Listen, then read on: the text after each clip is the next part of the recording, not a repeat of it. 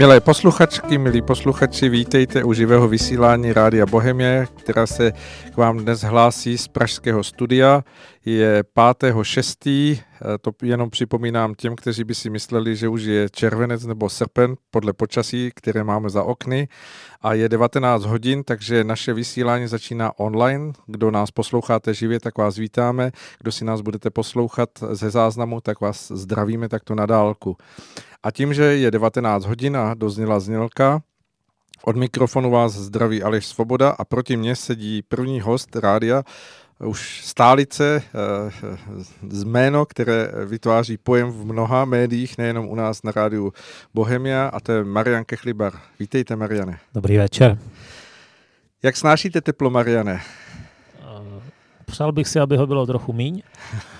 Eh, jsem rád za existenci eh, klimatizací a podobných vynálezů. Tady, tady v studiu to ještě docela jde, ale já bydlím v Přeži po většinu času, takže tam vždycky slyšíte, a teplotní rekord padl v Přeži u Prahy. Je to pravda. No. Zlý jazykový tam je vždycky ještě o pár stupňů víc. No. Jestli to není tím reaktorem, který tam je.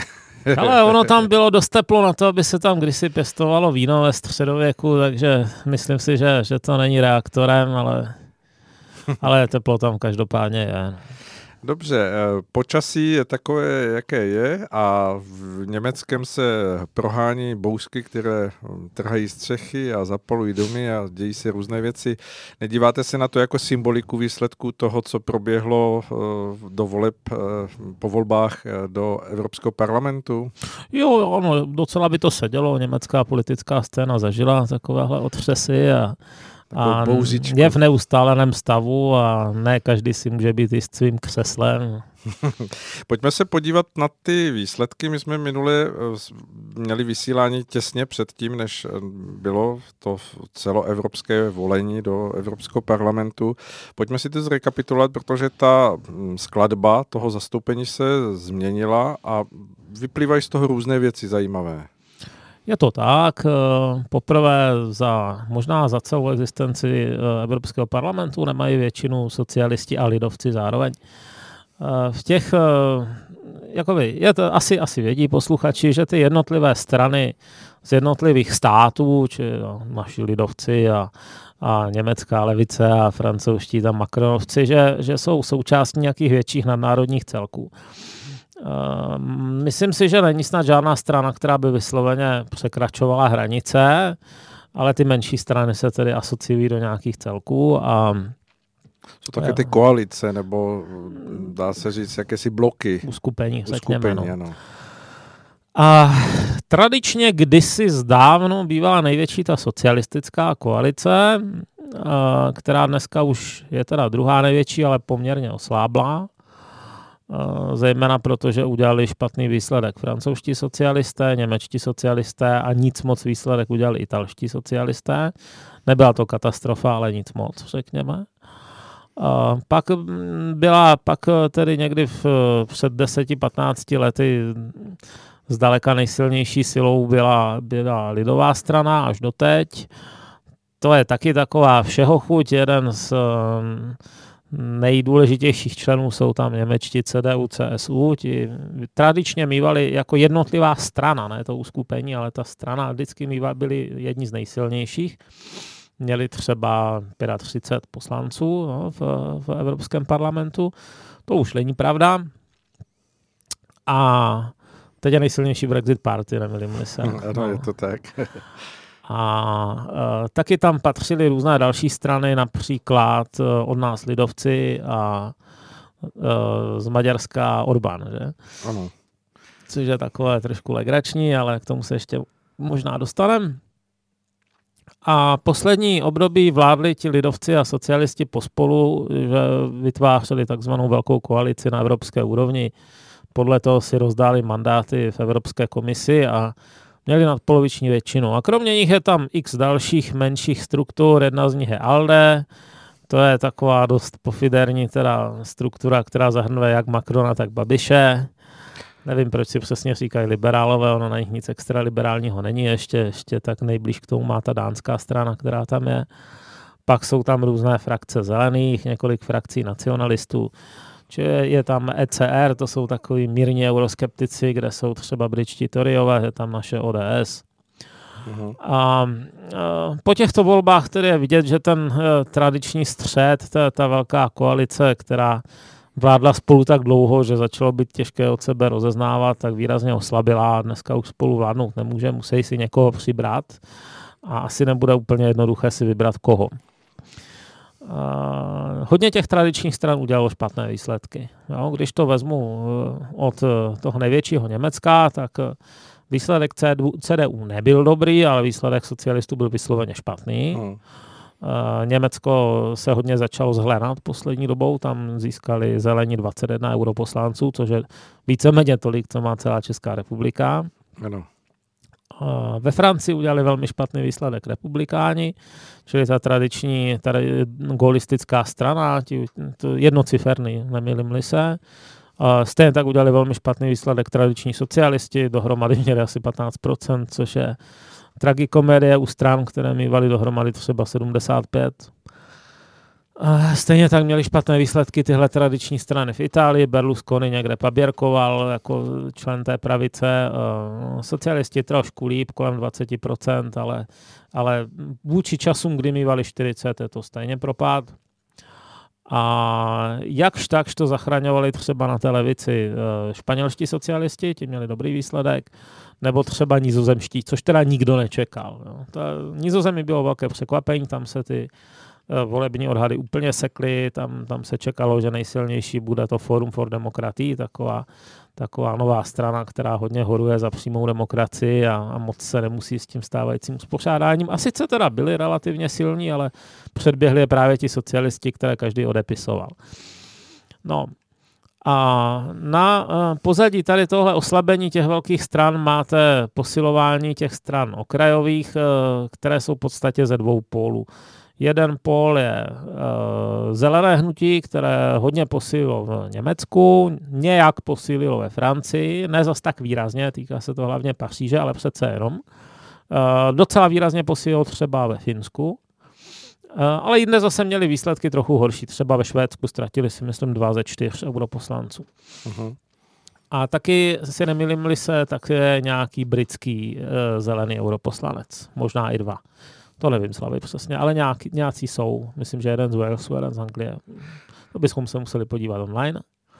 Jak no. se díváte na, to, na tu skladbu, vy jste to tady vyjmenoval a když bychom to zkusili převést do toho, jak vy ze zkušenosti očekáváte, kterým směrem teď bude to kormidlo Evropské unie spíš směřovat, nebo nebude tam tahání se o to kormidlo? Eh, no bude. Eh, první otázka je vůbec, jakým způsobem bude vybírán šéf Evropské komise protože ten systém toho špicen kandidáta, kdy byl šéfem vybrán ten, kdo byl eh, kdo jako vedl tu kandidátku do voleb za nejsilnější uh, to uskupení, tak to ty ostatní strany odmítají.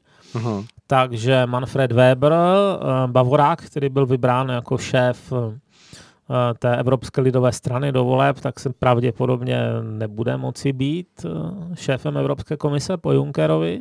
Uh-huh. Ještě to uvidíme, ale, ale je vůči tomu velký odpor. Chtějí, chtějí ten systém pohřbít a nahradit ho nějakým systémem pružnějšího vyjednávání.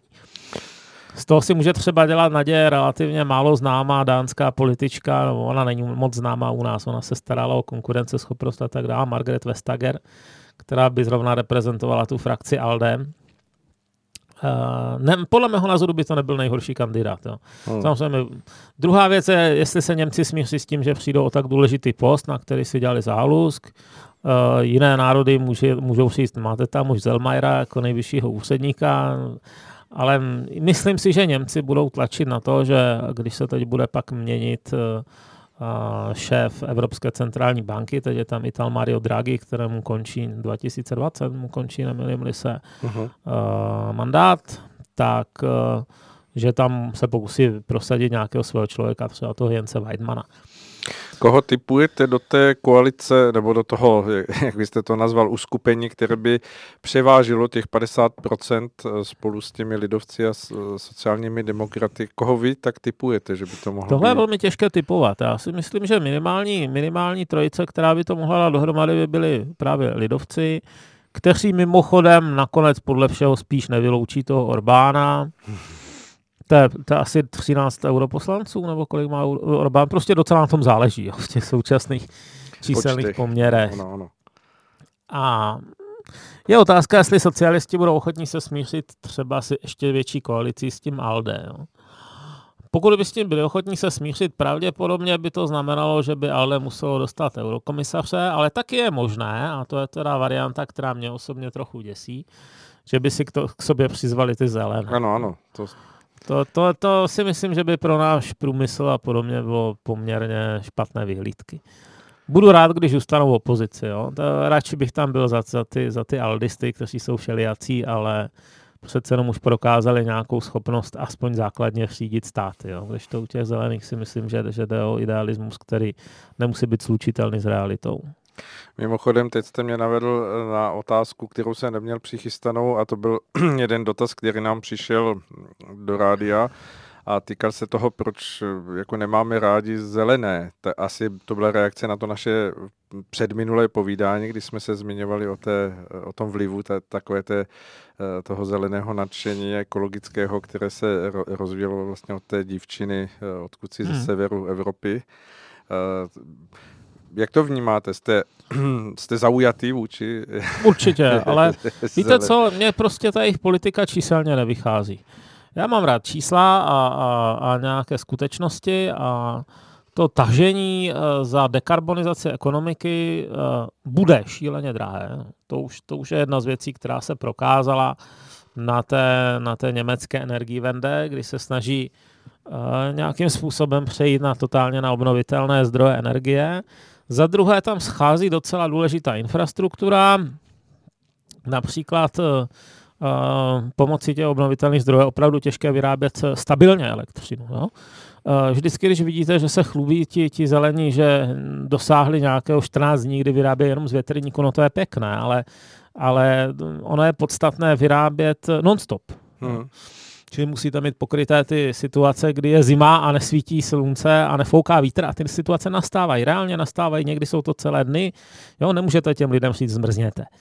No, a, a v takovém případě jako odbourat eh, uhelné elektrárny, jaderné elektrárny je podle mého názoru extrémně krátkozráké. To je jedna věc. Druhá věc je, že dojde-li k uh, deindustrializaci Evropy, což si myslím, že s těmi super přísnými normami by došlo. Uh-huh. No, nedokážete vyrobit třeba spalovací motor, který by splňoval tyhle představy. Tak uh, zaprvé si myslím, že se tím moc CO2 neušetří protože ona se ta průmyslová základna prostě přesune jinam, kde nemají takové uh, představy. Jo. Dneska není Evropa ústřední uh, výrobce světa, ústřední dílna. To platilo v 19. století. To už začalo mizet ve 20. století, když Amerika se z původní rurální země, kde se hlavně pásl dobytek, stala uh, velkou průmyslovou zemí. To už platilo koncem 19. století. Ve 20. století se začal ten proces ještě zrychlovat, nakonec začala růst jihovýchodní Asie, teď už Jižní Asie. Jo? A dneska se většina věcí vyrábí uh, mimo, mimo Evropu. Valná většina věcí. Jo? Když, no. se, když si vezmete cokoliv, co, co kolem vás leží, eh, stojí a díváte se, kde je to made in, tak zjistíte, že to většinou není made in evropské země. No. Že je to Tajván, Čína, Filipíny, Větnam, jo? Japonsko někdy, Indie, Pakistán. Už se to týká i takových věcí, jako je oblečení. Hmm. A Tyhle ty země upřímně jenom velmi rády využijou příležitosti, že my se zbavíme zbytku toho našeho výrobního průmyslu a převezmou to. A my, když nebudeme mít co vyrábět, já nevím, za co si to vůbec koupíme upřímně, jo, ty hmm. výrobky. Hmm. Takže tahle ta, tahle ta vize mně nepřijde nikterak konstruktivní a to i kdybych přijal tu, tu variantu, že teda CO2 se musí šetřit za každou cenu. Jo. Ale to bude taková každá cena, kterou si myslím, že ten zbytek světa nebude ochoten napodobit.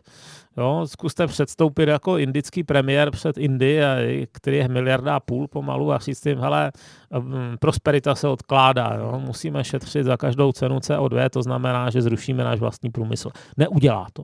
Hmm. Jo. Jediné, co uděláme, že, že se tady jako propadneme do, do poměrů, které jsou uh, neudržitelné. No, tak... Na to máme trochu vysokou hustotu obyvatelstva, abychom tady fakt mohli žít bez elektriky.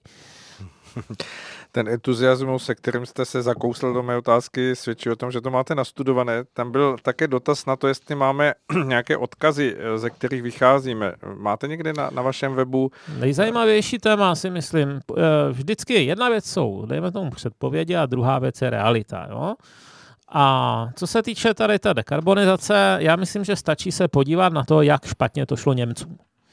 Němci se na tu, tu cestu k té své energii vende vydali už před víc než deseti lety. A rozhodli se, že se časem zbaví jak jaderných elektráren, tak uhelných elektráren. A to je extrémně drahý proces. Jo. Mm. Kdysi, kdysi prorokoval nějaký ten jejich ministr za zelené právě, říkal, že to, že to bude tak levné, že to bude jednoho Němce stát tolik jako jedna kulička uh, zmrzliny měsíčně, jo, Ice Google, což by bylo euro, dejme tomu, při tehdejších cenách. Ono to, to podcenil asi 14 nebo 15 násobně, jo, to, to není to úplná dost. sranda. Takže oni teď mají nejdražší elektřinu v Evropě, navíc do toho museli zamotat zamotat to, že jejich průmysl teda prohlásil, že to nesnese tyhle vysoké ceny, no tak udržují umělé nízké ceny pro průmysl, o to víc za to musí platit koncoví spotřebitelé, domácnosti, Jo, a stejně se stane naprosto běžně, že uh, přijdou dny, kdy Německo musí dovážet elektrickou energii. Hmm, ano. Jo, a, a buď to dováží teda z jaderné Francie, nebo ze špinavého uhelného Polska a České republiky. A, a zdá se, že se s tím museli nějak smířit i s tím, že je to pokrytectví. Hmm. No a druhá věc je, že zase někdy přijde den, kdy větrníky točí o 106 a někam se ta elektřina dát musí. Jo? A těch, těch zásobáren není za stolik v Alpách a podobně, těch vodních, protože to je pomalu jediný, jediná cesta, jak uskladnit na delší dobu elektrickou energii.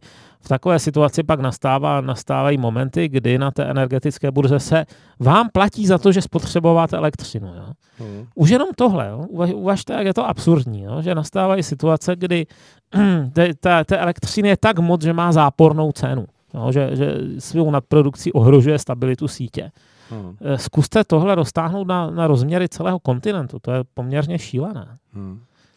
Tak uh, asi to bude také jedna z otázek nebo vůbec z těch témat, která se objeví na, na tom Evropském parlamentu, protože, jak říkáte, posílili tam zelení z různých uh, zemí a bez pochyby tam posílili, protože prosazují tyto myšlenky. Jak právě vnímáte v tomto ten konflikt, který může nastat, uh, jakousi racionalitu, která bude hledět na to, že um, nemůžeme být jenom takový ti hm, bláhovci s, s, s nějakými zelenými mávátky a zároveň tam bude tlak, který zřejmě bude asi rozhodovat i o těchto věcech. No já jsem na to upřímně zvědavý v případě těch německých zelených, kteří vždycky měli jedno křídlo nějakých těch reálos, co, se, co, se, co přece jenom chápali, že musí tu ekonomiku v nějaké životaschopnosti udržovat. To je třeba ten, ten pan Krečman, který je teď ministerským předsedou Bavorsku Württembersku. Na druhou stranu byli ti idealisti, kteří, kteří v podstatě byli jako lehce extremističtí jo, v těch svých požadavcích. A které zajímaly hlavně, hlavně teda, teda ta planeta Země, ale ten člověk podstatně míň. Hmm. A tenhle ten boj tam není dobojován reálně za to. Bohužel to hnutí té, té Grety Thunbergové to, to extrémně polarizuje. Jo. To, je, to, je, to je natolik emocionálně nabité, že tam není možné se bavit o nějakých kompromisech. Jo. Kdykoliv ona někam přijede, tak akorát pucuje lidi za to, že to dělají málo mm-hmm. a že čtvrtina rozpočtu je málo a 2038 je věčnost a tak dál. Je to takové to chiliastické hnutí, jo. takové to, co, co chodilo vždycky s tím, že svět končí.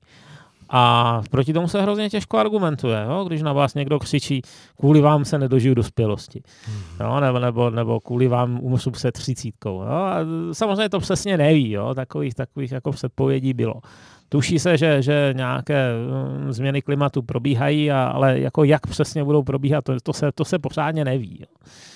A, takže takže uh, bude těžké dosáhnout nějakých rozumných kompromisů, když neustále ze sociálních sítí se valí tahle ta vlna jako strachu a zuřivosti.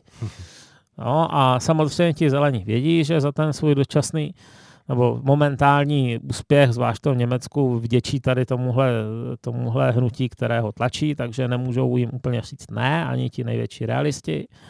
A druhá věc je, že některé státy na to vůbec nenaskočily. Jo? Když se podíváte na ty, na ty úspěchy toho zeleného hnutí, tak oni jsou nejsilnější tedy v tom Německu.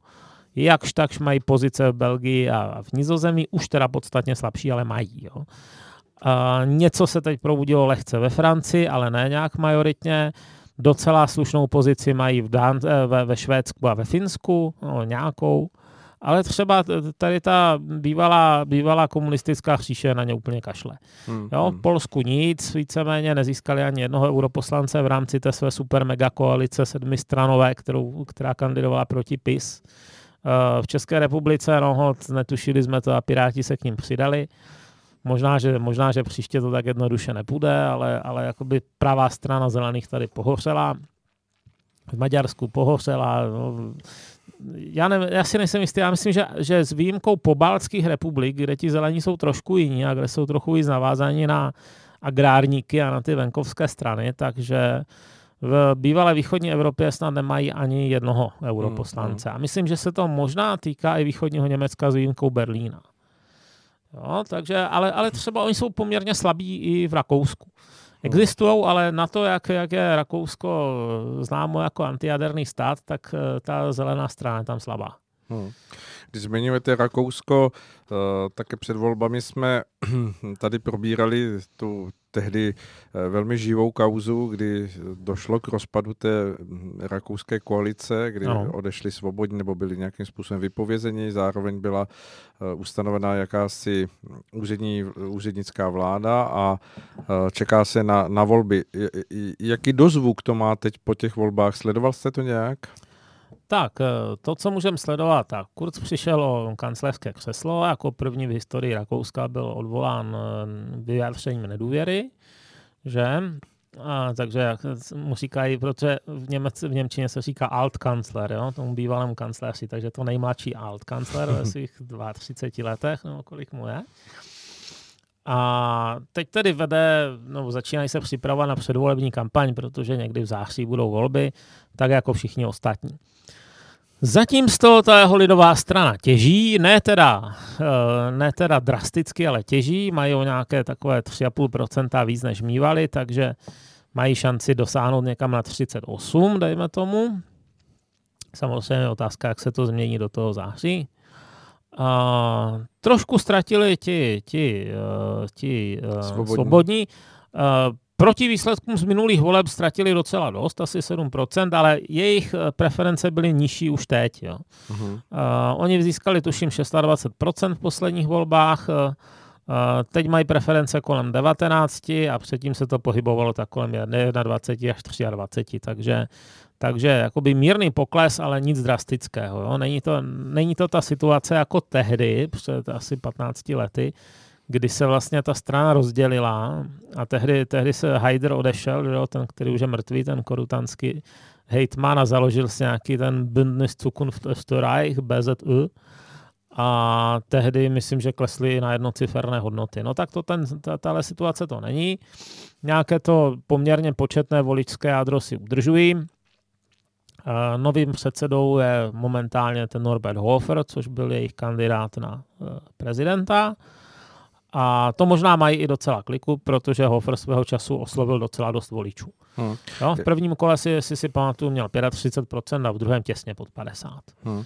Já jsem dokonce někde uh, vysledoval jakousi úvahu nad tím, že pokud se podaří celá ta kauza těm svobodným správně zpracovat, uh, mají na to dost času, uh, správně těm svým voličům vyslovit, vysvětlit a, a popsat, že, že to byl jakýsi komplot, který čekal někde v šuplíku dva, dva roky a že to je vlastně eh, ně, něco, co bylo záměrně udělané, že by z toho nakonec mohli vytěžit a ve výsledku by se po těch volbách vrátili zase v eh, jakési možná trochu jiné poměrové koalici, ale spolu s těmi rakouskými lidovci opět do nějaké pozice takřka stejné, než byl tady ten skandál. To je scénář, který považuji za možný, uh, zejména pak teda tu povolební koalici. Ono je tedy teď těžké říct, jak se pohnou ty preference. Jo.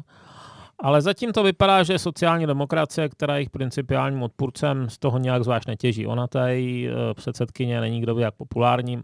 Mají takových těch 21-20%, což se koncentruje zejména ve Vídni.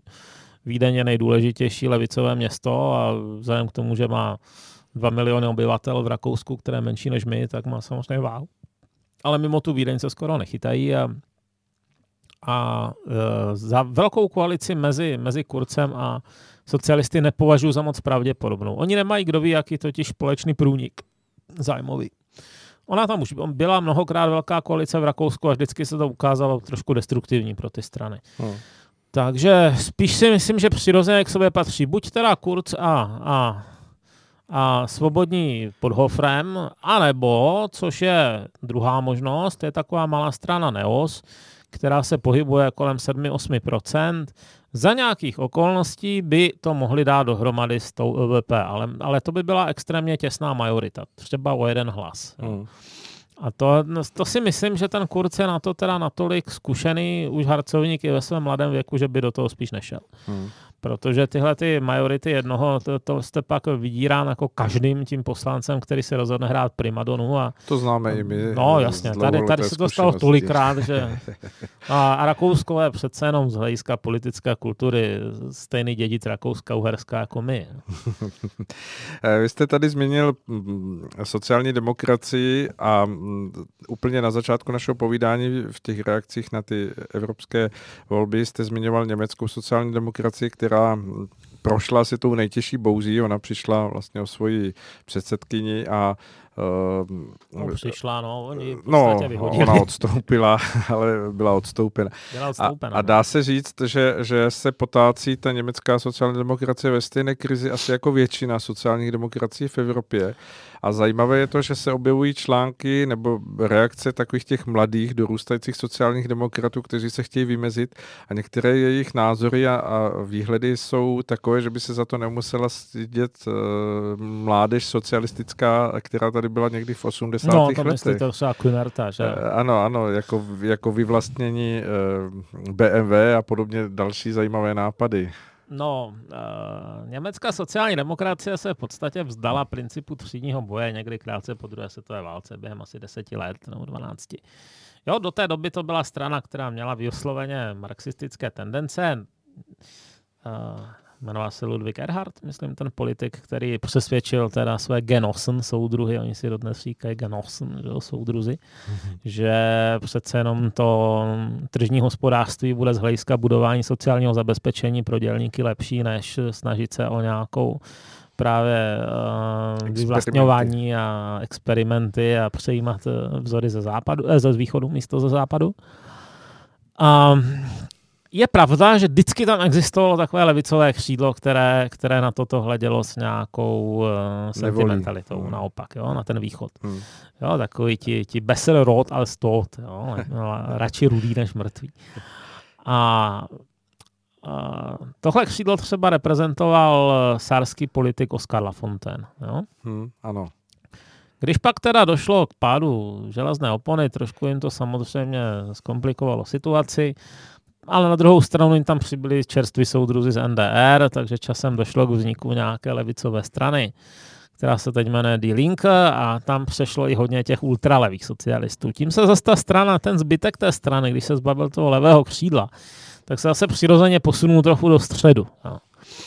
A posledních uh, desetiletích více-méně socialisti přicmrdávali nějakým způsobem většinou Merklové v její moci, nebo když ne Merklové, tak jejím spojencům na úrovni, na úrovni uh, jednotlivých eh, členských států toho, toho spolku. Jo? Jako je prostě, uh, třeba zrovna v Berlíně bývá velká koalice. Dneska je tam rudo-rudo-zelená koalice, ale poslední koalice bývala velká, ta, ta hmm. předtím. A je pravda, že univerzální stížnost mezi, mezi členstvem je, že, se, že přestali mít vlastní tvář. No, že jakoby nemají moc co nabídnout. Kdežto třeba ti zelení, byť nesouhlasím se spoustou jejich myšlenek, tak jsou nějak ideologicky živí. U nich, u nich víceméně víte, co ta strana chce, i když je to hromada příkazů a zákazů, ale aspoň si umíte představit, co chce. U těch sociálních demokratů německých to bylo dost těžké si představit. Jsou takový beztváří. Jo. A um, už to kritizovali teda dříve, předposlední pokus o nějaké, o nějaké vedení, eh, to byl člověk jménem Martin Schulz, to byl bývalý šéf Evropského parlamentu, ten přišel, že se teda od, uh, nějakým způsobem odliší od Merkelové tím, že budou požádat Spojené státy evropské, to bylo jeho téma v kampani, s tím teda hrozně vyhořel. Přestože Schulz je údajně v osobním styku milejší než Merklová, nebo, nebo jako ličtější a a v kampani eh, jakoby na úrovni těch emocí zase tak špatný nebyl, ale vždycky, když vytáhl na těch předvolebních zhromážděních ty Spojené státy evropské, tak lidi jenom tak zírali. Jo, očividně to není téma, které by Němce moc stáhlo, oni se bojí mimo jiné toho, že by pak platili nějaké dluhy za Francii a za Itálii a za Řecko a spíše, to, spíše to trochu asi děsí. Hmm. Takže Schulz byl taky odstoupen. Jedna z věcí, teda, kterou musíme říct socialistům německým, oni se dokážou velmi nemilosrdně zbavit neúspěšných uh, šéfů. Jo, to třeba tady uh, česká sociální demokracie zase tak dobře neovládá. Toto umění. Když se dívám, co se tam tak střídá na tom, na tom čele, tak uh, a, a jak pomalu a jak dlouho jim vždycky trvá, než vyhodnotí, že ten člověk je k ničemu, jo? že jsou to léta, za tu dobu zase ztratí polovinu voličů. To, to, v tomhle by si zrovna mohli teda čeští sociální demokrati lehonce inspirovat. No, tak němečtí jsou relativně nemilosrdní vůči neúspěšným šéfům a tak tedy sundali Šulce, tak říkajíc, kterého přitom předtím zvolili 100% hlasů na tom sněmu. A, a jak dlouho to trvalo, to zvolení dokonce? Sedm měsíců, jo? To, to byl strašně rychlý proces. Hmm. A, a e, další, kdo ho nahradila, Andrea Nález, což je bývá, bývalá šéfka e, JUSO, z té, té socialistické mládeže, taková dost ukřičená osoba. Jednu, jednu negativní vlastnost, která měla Nálesová a, a Schulz společně, to jsou typičtí politici z povolání. Lidi, co nikdy nedělali nic jiného než, než politikaření. Jo? Od, od, od studií v podstatě se zangažovali v nějaké politické organizaci a tam seděli a dál seděli a vysedávali a schůzovali, gremiovali, vydávali memoranda jo? A, a, a obsazovali tohle pozici a vyšší pozici. To je problém, který u nás máme taky, že to, to začíná být problém půlky Evropy, tady tahle profesionálně politická vrstva, i Ameriky ostatně, i, i nejenom. A je pravda, že většina takových lidí má špatný kontakt s voličem. Jo. To, je, to, jsou, to je, jsou paradoxy, ale čím více věnujete té politice, tím méně dokážete oslovovat ty voliče. Jo, když, se, když se podíváte u nás na tu politickou scénu, tak ti lidi, co jsou namočení v té politice fakt dlouho, tak mají blbou komunikaci s voliči. Hmm. Jako kdyby už si navykli komunikovat hlavně s těmi svými kolegy a to je přece jiný druh eh, lidí. A teď, no a Nálesová teda no. utrpěla docela velké ztráty. Jo? Pod, vede, pod jejím vedením prohráli uh, socialisti volby v Brémách. Bremen, to je, to je snad vůbec nejmenší spolkový stát, uh, městečko v podstatě, město. Eh, Bremen plus Bremerhaven, čili ten, ten jejich přístav, eh, to byla tradiční bašta socialistů. Vždycky ta přístavní města, kde bývalo hodně dělníků a podobně, tak, tak to byly vždycky rudé bašty, jo? ať už to byl Hamburg, Kiel, Bremen, tam se vždycky, vždycky konaly spoury a, a, a zbouření matrosové obsazovali lodě a podobně. A vždycky to, to prostě byly, byly oblasti, kde si, kde si konkurence neškrtla, tak říkajíc. A teď prohráli dokonce volby v Bremen, což by vůbec poprvé možná nevím, od Výmarské republiky. Jo? To, to je mhm. strašně dlouho. A e, nebudou mít primátora, podle všeho. Takže to byla, to byla velká symbolická facka, že už přicházejí o jednu z posledních svých bašt na mapě Německa. Taky ohrozili zelení, ale v tomhle případě ohrozila i CDU. No a zároveň udělali velmi špatný výsledek v těch uh, evropských volbách, že? Tam přišli možná o polovinu všech poslanců, nebyli se. Ano, oni tam utrpěli v Německu daleko větší uh, porážku než právě to CDU. Ano, a výrazné bylo třeba to, že ztráceli i ve svých bývalých východních baštách. Jo? Taková třeba saská sociální demokracie je na kapačkách. Jo. To, to by byla jednotka intenzivní péče. Kdyby to byl člověk, tak by tam ležel. Ti už na tom jsou pomalu stejně špatně, jak česká sociální demokracie. No a Blíží jak, se k tomu. Jak se za no. sebe díváte na ty výhledy těch mladých sociálních demokratů, kteří se snaží tedy přinést jakousi tvář? Já, se, já jsem zvědav na pár věcí. Za prvé, oni teda tu nálesovou zhodili, víceméně ji přinutili rezignovat, z toho by si upřímně řečeno měla vzít taková CDU dávno po naučení. ale uh, nedokázali se ani zhodnout na tom, kdo by měl v mezičase, než bude nějaký nový předseda, tu, tu stranu zvolit, tak tam jmenovali nějaký triumvirát. Jo. Lidí, kteří zrovna nevypadají na to, že by se do těch funkcí hnali, tím se tam asi kvalifikovali. Jedna z jejich nadějí je pán jménem Olaf Scholz, což je současný ministr financí, to je bývalý primátor města Hamburku. A o něm se dá říct, že minimálně nějak rozumně umí hospodařit. Jo. Na socialistické poměry relativně dobře. Jo, není to takový ten typ Maláčová, jako že by úplně každému všechno rozdal. On si získal určitou popularitu jako Bürgermeister v Hamburgu, takže je možné, že by tu stranu nějakým způsobem dokázal uh, aspoň uh, stabilizovat, jo, zastavit ten její propad. Ale samozřejmě, bude, bude čelit dvěma otázkám. První otázka, co s tou šílenou velkou koalicí? Oni vždycky vlezli s Merklovou prostě do, do postele, tak říkajíc, a vždycky o tam vylezli ve, ve strašně špatném stavu. Jo? A jedna z věcí, kterou ten Schulz nechtěl připustit svého času, když v roce 2017 to dopadlo tak, jak dopadlo, že by tam lezli znovu. Hmm. A nakonec si odhlasovali nějakým vnitročlenským hlasováním, že teda půjdou ještě jednou, ale že si to někdy v polovině mm, toho volebního období znovu vyhodnotí. A to je zrovna teď, to, to bude někdy na podzim 2019. A skutečně se zdá, že, že za, ty dva, za ty dva roky se jejich situace ještě dál zhoršila. Jo? Já bych na jejich místě asi o tamtud odešel. Na druhou stranu, vždycky je tam ten souboj, řekněme, dlouhodobé a krátkodobé vize. Jo? Z dlouhodobého hlediska jejich uh, bratření s Merklovou bylo škodlivé pro ně, uh, nedokázali se vyprofilovat. Ona je takovým záhadným způsobem schopná na ně přesouvat všechny neúspěchy ze své politiky, zatímco všechny úspěchy věcí, které třeba i navrhli oni, tak si nějak tiše přivezme. A tohle to podle mého názoru není dobré partnerství. Jo? Nevyhovuje to tě, tomu jednomu partnerovi silně. Já, myslím si, že by bylo správné jít ven a ono, si, on, on, on to říká docela dost těch sociálních demokratů. Na druhou stranu, jejich preference a pozice je tak špatná, že kdyby vyvolali předčasné volby nějakým zázrakem, tak, tak ztratí ještě, tak ztratí ještě víc. Hmm. Jo? Dlouholetí soudruzi Genosen jo?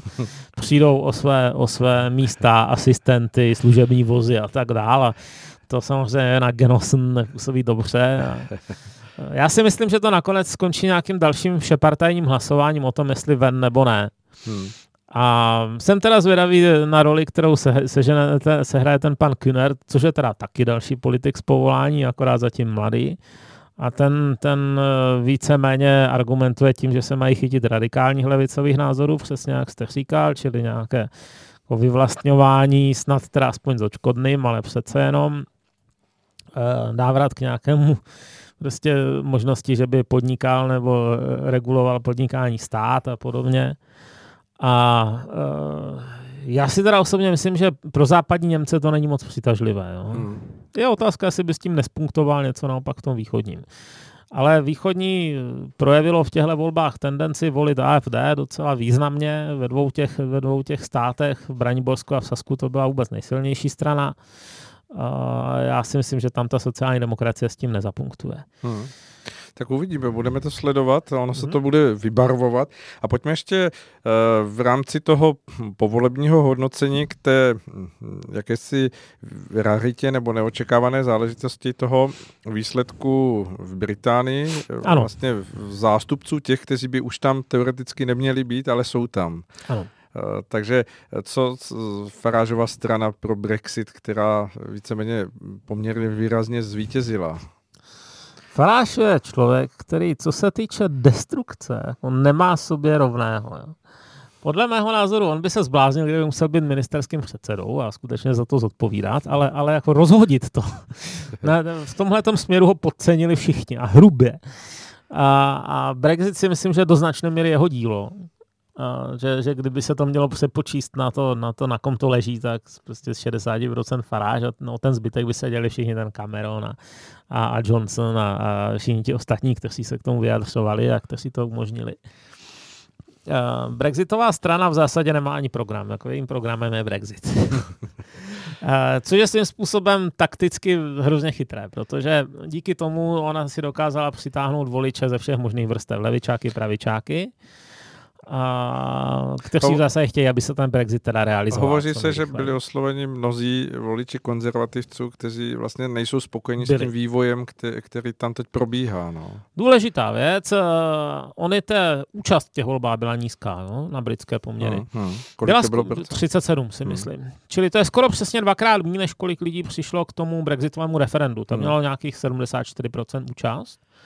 Takže samozřejmě eh, každá ta analýza, když se díváme na výsledky tady těchto eurovoleb v Británii, musí být eh, změkčená nebo, nebo, nebo eh, musí k tomu přidat varování, že jde o úvahy nad poměrně nízkou volební účastí. Jo? Takže to nemusí úplně věrně reprezentovat ty názory těch Britů. Rozhodně to nemá stejnou váhu jako to brexitové referendum, mhm. jo? Kde, kde přišlo dvakrát tolik jedinců. Ano, ano. Ale je pravda, že konzervativci utrpěli ohromné ztráty. Uh, ona je to přece jenom docela silná strana, která má se 100 tisíc členů a ona nezmizí. Jo, jen tak po třech letech existence, zdaleka nejstarší politická strana v Evropě, rozpoznatelná. Ale to, že nebyli schopni ten Brexit nějak realizovat, to je stálo, momentálně dostalo ohromné množství preferencí a, a v zásadě to teď taky zlomilo vás té Theresa May, že jo, tam má někdy pozítří rezignovat, je to ano, tak? tuším, že pozítří. Sedmého, že, no. A teď bude samozřejmě boj o to, kdo bude ty konzervativce vést dále. Eh. To se dělá tak, volby, volby konzervativního předsedy se dělají tak, že je nějaká množina kandidátů. Myslím si, že každý musí mít nějaké minimální množství doporučení. A následně to eh, je takovým tím stylem nejslabší vypadněte, kdy se kdy hlasují poslanci a ti kdo, eh, ti, kdo získají nejmenší množství hlasů, tak vypadávají a konají se další kola, další kola, až zbydou dva, a u těch posledních dvou, dvou už eh, hlasuje celá členská základna. No. A myslím si, že naposledy, když, byla, když, když to vyhrála Mayová, tak to skončilo tak, že ta členská základna ani nehlasovala a že ta její konkurentka, ta Andrea Lic, se prostě odstoupila, hmm. jo, takže ona to vyhrála, tak říkají skontumačně, kdy jsme použili sportovní výraz, ale moc jí to teda štěstí nepřineslo. No.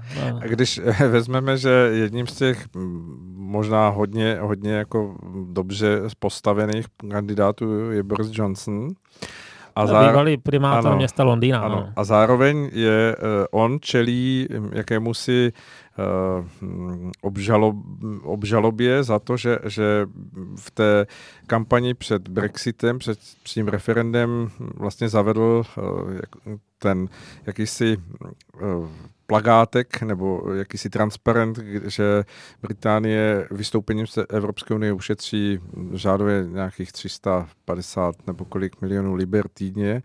A mm, když by se stal premiérem a zároveň byl čelil této obžalobě, to bychom se hodně přiblížili České republice, jako v baště demokracie.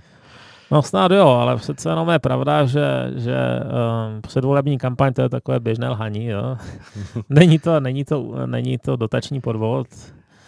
Je, v tom jistý rozdíl, samozřejmě. Je, je, je. Dobře. A Johnson je zrovna docela bohatý člověk, byť teda ten, ten Rees je asi bohatší. Jo. Tam aspoň můžeme říci, že ti lidi tam asi nejdou primárně kvůli svému obohacení. Hmm. A Johnson si myslím, že má slušné šance, protože on má takovou je takhle, uh, on nevypadá jako intelektuál, což teda trošku klame tělem, protože ovládá několik jazyků a, a má za sebou úspěšná studia a podobně, ale on vypadá jako takový ten lidový konzervativec, takový ten, se kterým sedíte na pivu a vykládáte si historky. Jo, to je jeden z důvodů, proč dokázal i v Londýně, který vůbec není konzervativcům nakloněný, být, být premiérem. Jo. On měl dokonce nějaký pořad, ve kterém vystupoval eh, v čase té, té regionální politiky v mhm. Londýně a byl oblíbený díky tady těmto svým ano. spontánním vystoupením. Což podle mého názoru znamená, že dojde-li do toho, do toho kola jako těch dvou posledních, takže to vyhraje. Hmm. Jo, v, v té všelidové základně konzervativní strany si myslím, že by neměl oponenta v takové situaci. Samozřejmě možné, že ti poslanci se střelí dřív, protože tam je velký rozdíl mezi mezi uh, vedením té strany a mezi členskou základnou. Členská základna, většina konzervativců si přeje Brexit, a to možná skoro za jakoukoliv cenu dneska už, po, po těch nekonečných tahanicích. Myslím si, že je to kolem 70% konzervativců, jo? 74 hmm, něco takového, procent konzervativních členů a voličů si Jakýsi Brexit. Brexit za každou cenu. Kdežto uh, ti poslanci z toho mají strach. Hmm. Oni jsou často navázáni na britský průmysl nebo na nějaké takové lobistické skupiny, které zase mají obavy z toho, z toho že ten Brexit bude, uh, zvlášť ten no deal, když by nedošlo k, k sjednání žádné žádné změkčující dohody předem, takže by mohl být velkým otřesem pro britskou ekonomiku. Jo? Hmm, ano. To nikdo přesně neví, ale je možné, že by to tak skutečně bylo, protože jedna z věcí, co se co tady skutečně jako nastala, je, že se hrozně provázaly ty výrobní a dodávatelsko-odběratelské řetězce, takže, takže náhle jejich přerušení by asi bylo poměrně bolestivé. Eh, kde si jsem slyšel jakési přirovnání, že ten tunel, který je eh, vlastně mezi Anglií a Francií, je jakousi pupeční šňůrou, která symbolicky drží tu Anglii teď v, té, v jakési spojitosti s tou Evropou. Byl to zajímavý příměr, no. No, myslím, že to nemusí stačit, tahle ta šňůra. tak hodně nám neodplujou do prostě Atlantiku, jo, ale ale mentálně už teda trochu pryč jsou, jo. To, je, to je zjevné. Já si myslím, že i ti si tam pochopili, že Remain nebude. Hmm. Že by to způsobilo takové komplikace jako vnitropolitické, že by to sešlo dalších 25 let. Už tak je dost blbé, že to řeší tři roky. Hmm. Když ještě, Mariane, zůstaneme u té Británie, my jsme odskočili na, na tu pozici toho britského prime ministra, ale uh, vraťme se k osobě pana Faráže. Eh, co si dokážete odhadnout, jakou úlohu bude mít on, nebo ne úlohu, co, co způsobí teď v tom Evropském parlamentu s tím potenciálem destrukce, jak vy říkáte, bude mít jako s tím mandátem, který tam má mm, jako sílu i něco ovlivnit přímo v tom Bruselu? Myslím si, že bude se maximálně snažit o to, aby některé další evropské státy usoudili, že tam mají být co nejkratší dobu. Jo? Protože máme teď 31. Eh, října jako tu, tu novou deadline, ke které by měla Británie odejít. Už teda Macron vyhrožuje, že to je skutečně poslední deadline. Samozřejmě nevíme, jestli to myslí takhle vážně, ale, ale myslím si, že Farage a spol se můžou maximálně snažit o to, aby, aby uh, způsobili v jiných státech eh, vyladění, ano, opravdu pro boha, ať už jsou pryč. No. Eh, zejména z hlediska toho vyjednávání o nové Evropské komisi, která nemilím se, se zrovna ujímá právě 1. listopadu ano. svého úřadu, jo, tak eh, v podstatě, kdyby nebyli pryč k tomu 1. listopadu, tak by asi musela vzniknout nějaká dočasná komise, jo, kde, ve které by byl dočasný britský třeba komisař. Hmm. Protože z hlediska těch smluv jako není nic jako členství dočasné. Jo? To je, jako dokud, dokud by tam Británie byla, tak by měla nárok na komisaře. Hmm. Jo, a jak by to chtěli teda sestavit z 29 brexitáři, to, to by bylo poměrně obtížné. Mají 29, nemýlím se těch poslanců. Tuším, že ano. Eh, jak myslíte, no. že může jeho osoba zkomplikovat i ten, eh, jakýsi ten, to, to seriózní vyjednávání tomu budoucímu prime ministrovi? Tam nebude žádné vyjednávání, podle mého názoru. Myslíte, že už ne? Ne před Brexitem, no. Hmm. Já si myslím, že, že uh, Evropská unie v zásadě se dostala do situace, že nemůže couvnout. Tak dlouho prohlašovali, že to ten jediný, a nejlepší a jediný díl, což je teda mimochodem trošku nadbytečné, protože když je něco jenom jedno, tak je to nejlepší a nejhorší zároveň, že? tak, tak, tak dlouho na tom trvali, že ne, nemůže dojít k žádnému přejednání, že co by teď mohli dělat? Jo? Snažit se rychle něco vyjednat během pár týdnů? No to je nereálné, že? Ještě budou prázdniny, ani ty parlamenty nezasedají všechny, hmm. ani britský nezasedá. Takže, takže jako upéct něco nového je nereálné a myslím si, že zase se všichni připravují na možnost tvrdého Brexitu. No. Hmm.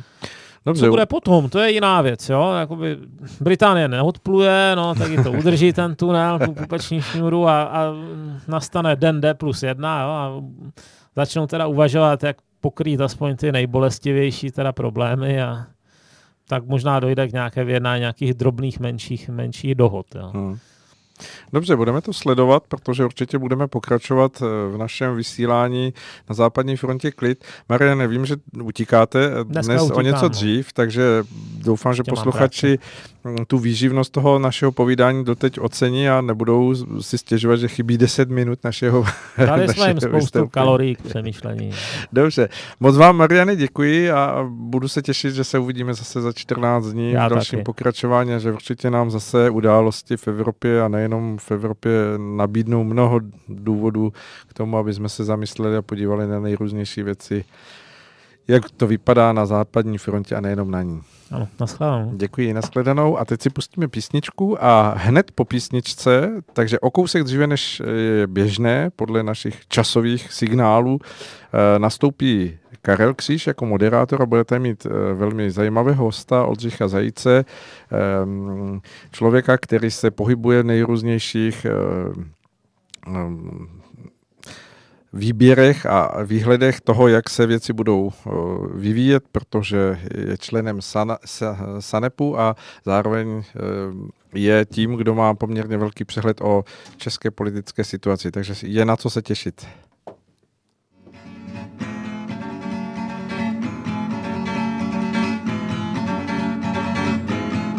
V studené parádě kožených křesel kožených křesel, kožených křesel. Sešli se k poradě výrobci hesel, výrobci hesel, výrobci hesel. Mnohé, co hrozilo,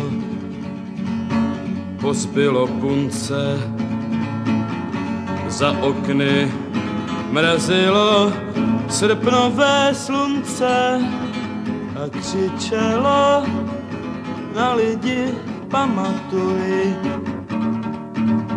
A křičelo na lidi pamatuj.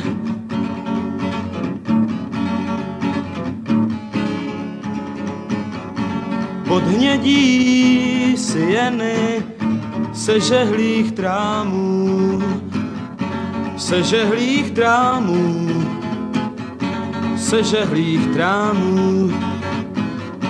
Hleděli hyeny na věže chrámů, na věže chrámů, na věže chrámů. V ulici trpěli pahýli stromů, hleděli na střely v průčelích domů a křičeli na lidi pamatuj. A křičeli na lidi pamatuj. Ten najatý přístěnek zapadal prachem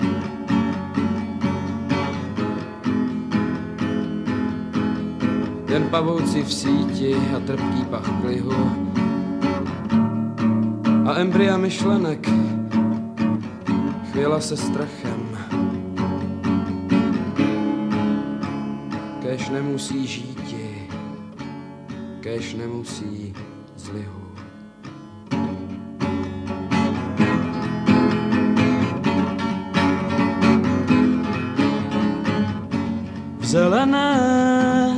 zahradě.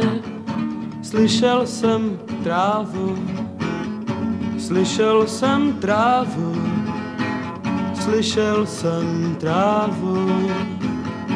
Mluvila o zradě, o pěstním právu, o pěstním právu, o pěstním právu. Mluvila o mužích, tváře myšelem mluvila o růžích nad dívčím čelem, jež křičeli na lidi, pamatuj, jež křičeli na lidi, pamatuj. Před sebou muletu Vládci se smáli, vládci se smáli, vládci se smáli. Podivnou ruletu s pistolí hráli, s pistolí hráli, s pistolí hráli. Minulo září, a ulicí chodí jen milion tváří těch zbloudilých lodí a žádná z nich neslyší, pamatuj. A žádná z nich neslyší, pamatuj. Pamatuj. Krásný a příjemný dobrý večer. Dobrý večer vám všem přeji z Rádia Bohemia. Od mikrofonu se s váma vítá Karel Kříž. Samozřejmě, jak přede mnou řekl můj kolega Aleš Svoboda, budeme pokračovat s panem Oldřichem Zajícem z firmy Sanep, která se zabývá tím, že vlastně dělám, jak bych to řekl, správně. Pomozte mi, pane Zajíci. Eh, předně přeji hezký večer všem posluchačům. A my se zabýváme uh, sociologickými průzkumy tak. veřejného mínění. Ano, to, to je to, sociologický průzkum. To jsem si netroufl říct, protože samozřejmě bych to mohl splést. Uh, tak, jak hezky zpíval Karel Kryl, tak mě hned napadla jedna věc, jak by se tady asi s náma cítil, jak by se tvářil, protože Všichni dobře víme, pokud jsme měli možnost Karla Kryla poslouchat a potom i slyšet jeho rozhovory, které než umřel vlastně dal do, do světa, tak by z dnešní situace byl velmi zklamaný a možná by ho to trápilo ještě víc, protože už tenkrát byl velmi smutný, že jako kdyby viděl víc a dopředu, protože v jeho mezi řádky jsem často v jeho rozhovorech cítil, že mezi řádky nám říká něco, jako kdyby dejte pozor, dejte pozor, je to tam špatně, nebo um, kujou na vás pikle, takhle to nemá být, má to být jinak a um, nějak um, jsem to tam pořád jak cítil a byl jsem velmi překvapený, že mi jedna, jedna paní, která vyloženě osobně se znala velmi dobře s panem Karlem Krylem, tak říkala, že byl velmi utrápený a že vlastně uh, jedna, nebo to bylo to jedno z příčin, proč vlastně tak odešel, protože ho to velmi, velmi bolelo, co se děje s touto zemí. A myslím si, že nejsme daleko od, od, od tématu, protože to, co se děje vlastně v naší zemi a vůbec v celé Evropě, i s těmi evropskými volbami a vůbec teď všude se něco volí, všude, všude neustále jsou volby, já už jenom slyším jména, procenta a koalice a kdo s kým, kdo proti komu a kdo, kdo to zrušil. Takže se v tom skoro člověk začíná eh, zmateně pohybovat, až, až neví, a tak tady na to máme vás, pane Oldřichu. Takže já jsem moc rád, že jste přijal moje pozvání, protože to bylo na poslední chvíli, ale když jsem věděl, že pan Svoboda bude mít tady Mariana Kechlibara a ještě se vrátí právě k těm volebním, volebním tématům, tak pojďme, pojďme se do toho podívat, na to podívat, co se teď odehrálo vlastně u nás. Protože samozřejmě ty volby do Europarlamentu byly velice zajímavé a ukázaly nám zase eh, určitou nevím, jestli říct vlastnost českého národa. To možná mi řeknete vy eh, eh, v těch statistikách, které jste vysledovali. Protože uh, někteří sázeli na to, že to bude doslova už konečně to razantní um, vyjádření se proti všemu, proti všem, kdy už ty stabilní, renomované strany prostě nebudou mít takový vliv. Ale vyhrálo to ano, ale přesto tam jsou velké, velké náznaky, že i ty neznámé strany získaly docela dost, eh, dost procent v součtu, jako všichni, jako dohromady, nemyslím, jako, a že těch křesel taky nebude málo. A mě by teda zajímalo, eh, jak jste se na to dívali vy, jako Saneb, co jste toho vypozorovali a jestli se z toho dá usoudit, eh, nebo aspoň asi usoudit ne, ale nějak ne, jak bych to řekl, předpovědět, předpovědět, co to udělá s, naším, s naší politickou scénou, nebo vůbec s tímhletím systémem, proti kterému vlastně bojujeme. Ano, řekl bych, že bojujeme jinými způsoby než, než dřív. Bojujeme pořád. Já bych se jenom vrátil ke Karlu Krylovi, kterýho mám velmi rád a bych jenom navázal, že Karlovi puklo srdce. Hmm. A druhou věc, kterou bych řekl, že Karel věděl. Tak jste řekl hezky. A mě to srdce bolí. Teda už. no, mě můžu vám říct, že mě bolí Ale, taky. Eh, nicméně, eh, já to musím říct takhle. My jako Sanep jsme se příliš eh, evropskými volbami nezabývali a to z toho důvodu, že pokud bychom vydávali preference, tak by to byla čirá alchymie, což se ostatně na těch předvolebních průzkumech, které byly, ukázalo. Mm. A důvod je jednoduchý, protože Eh, ta volební účast, když byla, řekněme, eh, relativně vysoká oproti posledním, volbám, téměř o 10% vyšší, tak přesto byla malá a do poslední chvíle spousta voličů, mnoho voličů nevědělo. Takže my bychom museli v podstatě hádat. A to hmm. jsem odmít. Hmm. Nicméně samozřejmě nějaké interní analýzy té, té situace a nálad a těch protievropských a proevropských jsme monitorovali. A musím říct, že pro mě eh, volby do Evropského parlamentu překvapením nebyly, protože hmm. oni nějakým způsobem eh, reflektují i ty volební preference, které tedy standardně vydáváme. Teď jsme je nevydávali, protože byly, byly evropské volby, takže teď uděláme vlastně v červnu první po volební e, preference, ale tam v těch trendech, dlouhodobých trendech se ukázalo, že sociální demokracie ztrácí dech, že naopak ji nabírají e, ODS a, a Piráti a že ano, nějakým způsobem je furt e, stabilní lídr politický. Eh, v očích voličů. A eh, rozdali se karty tak, jak se rozdali a to, co je na tom eh, zajímavé, je to, že v podstatě se aktivovaly dva názorové proudy, a to je ten euroskeptický a ten prounijní. A tam se nějakým způsobem zmobilizovaly ty, ty hlasy, ty kampaně nebyly nic převratného, víceméně bych si dovolil glosovat, že každý, kdo ví, o čem je Europarlament, by v podstatě eh, na základě těch předvolebních spotů a, eh, a reklám a kampaní by v podstatě neměl vůbec jít k volbám, protože eh, nic z toho, co se tam nabízelo voličům, prostě těch 21 českých poslanců, navíc rozdrobených na sedm stran, prostě nemůže splnit, eh, nehledě na to, že to ani není v mnoha sloganech a výzvách eh, úloha Evropského parlamentu. Takže to v podstatě byla analogie senátních voleb, kde se neustále prezentují ta celostátní témata, byť senát taky nic v podstatě nemůže. A přesto se to tam vždycky v těch volebních kampaních a my pro vás zařídíme a, a my budeme bojovat a já nevím co.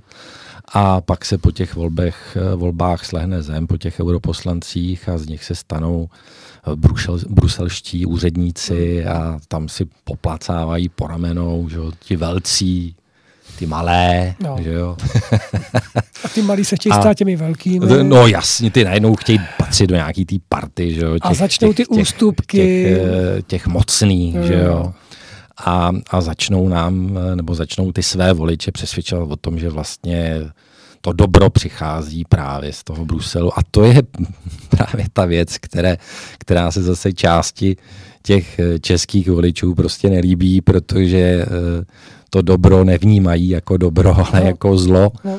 A, a naopak zase ti kritici e, jsou označováni zase e, těmi, těmi druhými, jako že oni jsou Eh, tou černou, těmi černými ovcemi a že vůbec nechápou, kde je ta mhm. pravda a to dobro a tak dále.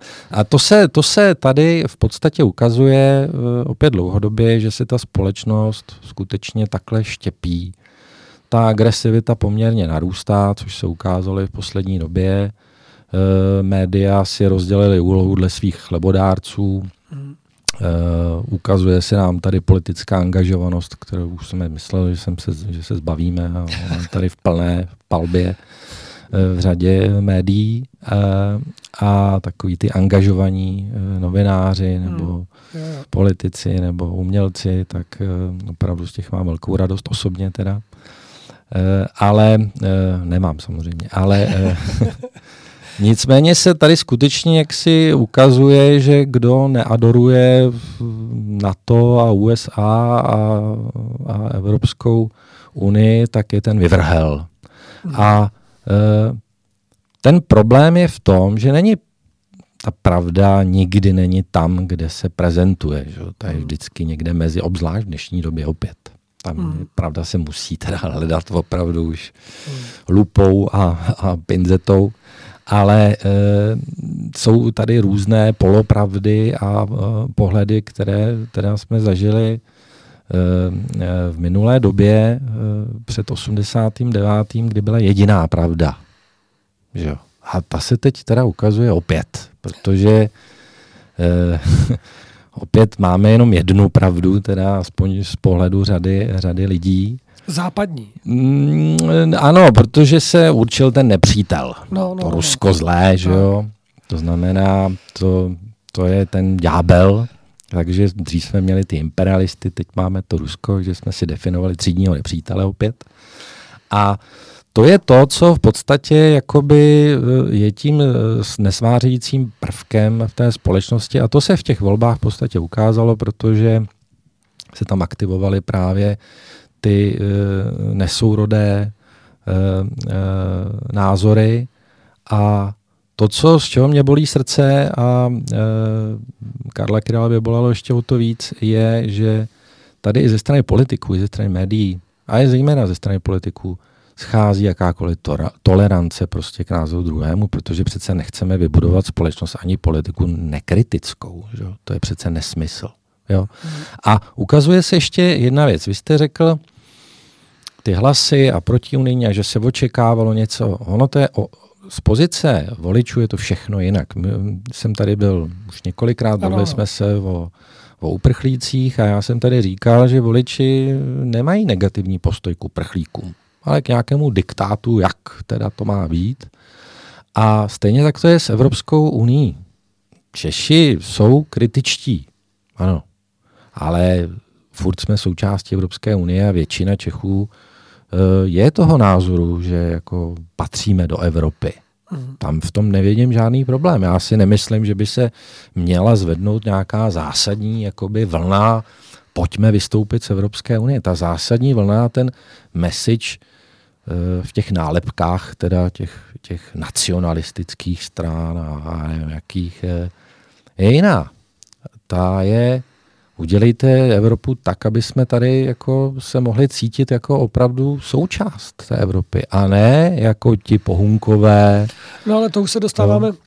do situace, kdy uh, lidé, jak říkáte, přejí si, aby politici nebo ti, co jsou voleni do Bruselu, ve spolupráci s ostatními z jiných zemí vytvořili Evropu takovou, aby jsme z ní mohli, ní mohli žít harmonicky a v pořádku a bez těch omezujících e, příkazů, zákazů a vyhlášek, které jsou mnohdy opravdu nesmyslné a, a zrůdné.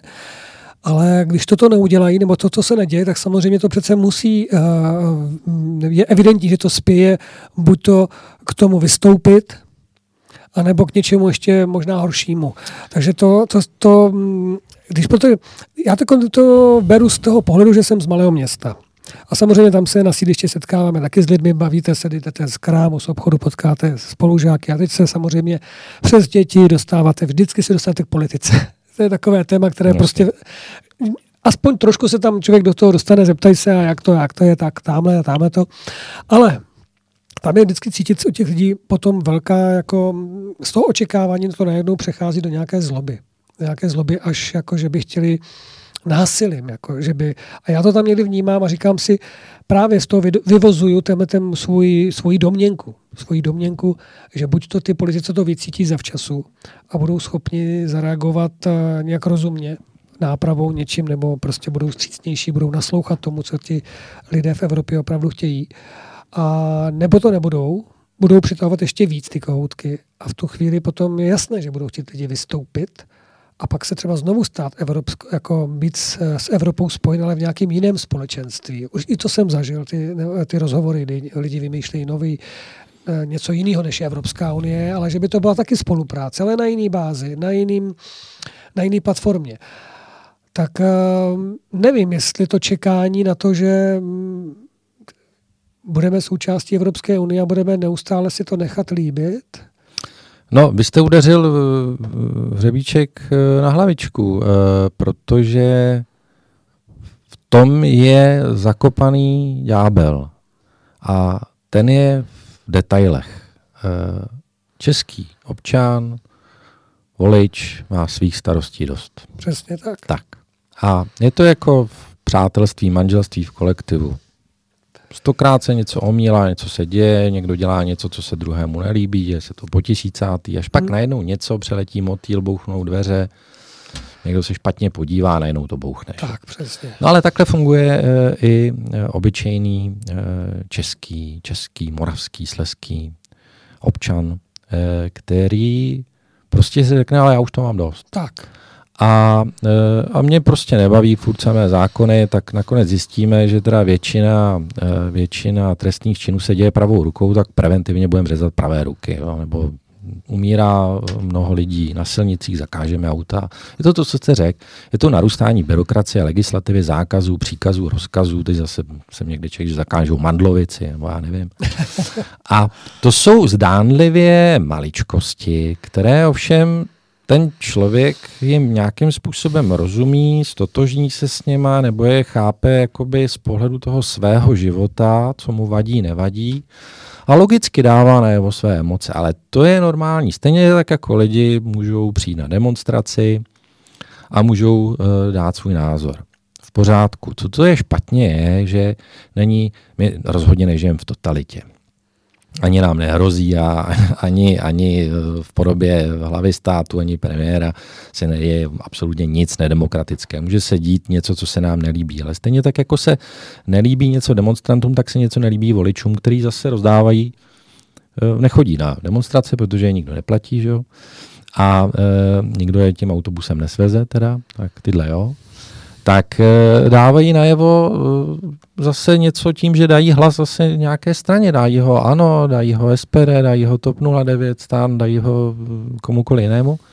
A to je ta demokracie. Že? Tady by se měly rozdávat karty ve volbách a neměly by se určovat pravidla hry na demonstracích nebo neziskové organizace nebo umělci by neměli určovat, kdo bude minister nebo nebude a neměly by nějaké menšiny, placené buchy odkud, eh, prostě určovat, co tady bude nebo nebude. A, a budeme demonstrovat a budou volby dokud, dokud se to jedné skupině nebude líbit. No to je přece absolutní nesmysl. A tady právě narůstá ta, ta diference té, té, té nenávisti nebo té vzájemné zloby, kdy jedna strana má jedinou, je nositelem jediné pravdy a ta druhá strana je nespokojená s tím, že jim je implementována ta jediná pravda. A vlastně jakoby najednou volič e, prezidenta Miloše Zemana nebo, nebo hnutí Ano Babiše je ten najednou zlořád, označen, že okamžitě nálepkován. A SPD jsou takovýhle a to jsou taky a Macron a já nevím, nebo ne Macron, e, Le Pen, že jo, a Eh, Orbán a to jsou přece ty, ty škůdci, kteří to prostě všechno chtějí jako pokazit a tu Evropu, že jo.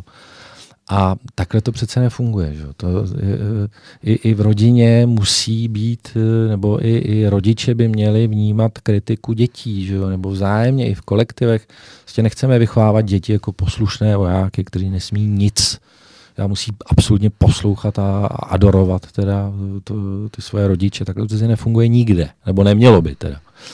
A v diktatuře ano, tam, tam jasně, tam je jediná pravda, že je jediný nositel pravdy, to už jsme tady taky zažili, že jo. Mhm. A kdo nejde s námi, jde proti nám. A mně to tak jako připadá, že tohle právě je ten štěpící prvek, který na jedné straně stimuluje určité, určitou část voličů, aby teda vyjádřovala svůj názor, a na druhé straně stejně tak aktivuje voliče z druhé strany, a teď se dopustím názoru nějakého analytického, kdy není pravda, že voliče Miloše Zemana nebo teda hnutí ANO, potažmo Andreje Babiče jsou nekritičtí a adorují tedy jaksi toho prezidenta Miloše Zemana nebo Andreje Babiše. Jak to není.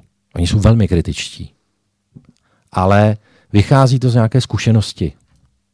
35 let, kdy se už tady politici ukázali ze všech stran, který dneska teda zase burcují za tu demokracii a ukázali, co umí. Že jo? A Andrej Babiš má jednu nespornou pravdu. Když ukáže na své oponenty a řekne, vy jste mě vyrobili. Že? to je tak. To znamená, ten volič je nespokojený dlouhodobě, za to si můžou politici, že, jo? že tady je nedůvěra vůči uh-huh. politikům. To není věc eh, jaksi Andreje Babiše nebo Miloše Zemana. A na druhé straně jsou tady volby. To znamená, tam by měl být nějaký respekt k těm volbám. A ten se neděje. No právě. A neděje se i ve vztahu k těm voličům, kteří hned jsou, jak si, že by mělo být zabaveno, nebo měli by být zvalení voleního práva, jsou to ty chudáci a ty hlupáci, že jo, hned jsou prostě takové nálepkování. A to zase vyvolává právě určitou nevoli u, u těch voličů, kteří o to věč, větší mají důvod jít a podpořit tedy eh, toho svého kandidáta. A v tuto chvíli je tady skutečně paradox na Andreji Babišovi, který, který rozhodně není vnímán, dovolím si tvrdit většinou svých voličů nekriticky, v žádném případě. Stejně tak jako Miloš Zeman. Ale je tam něco, s čím se prostě ten volič, co převáží, má to tu prioritu a řekne, ale je tam toto a proto já ho tedy budu volit.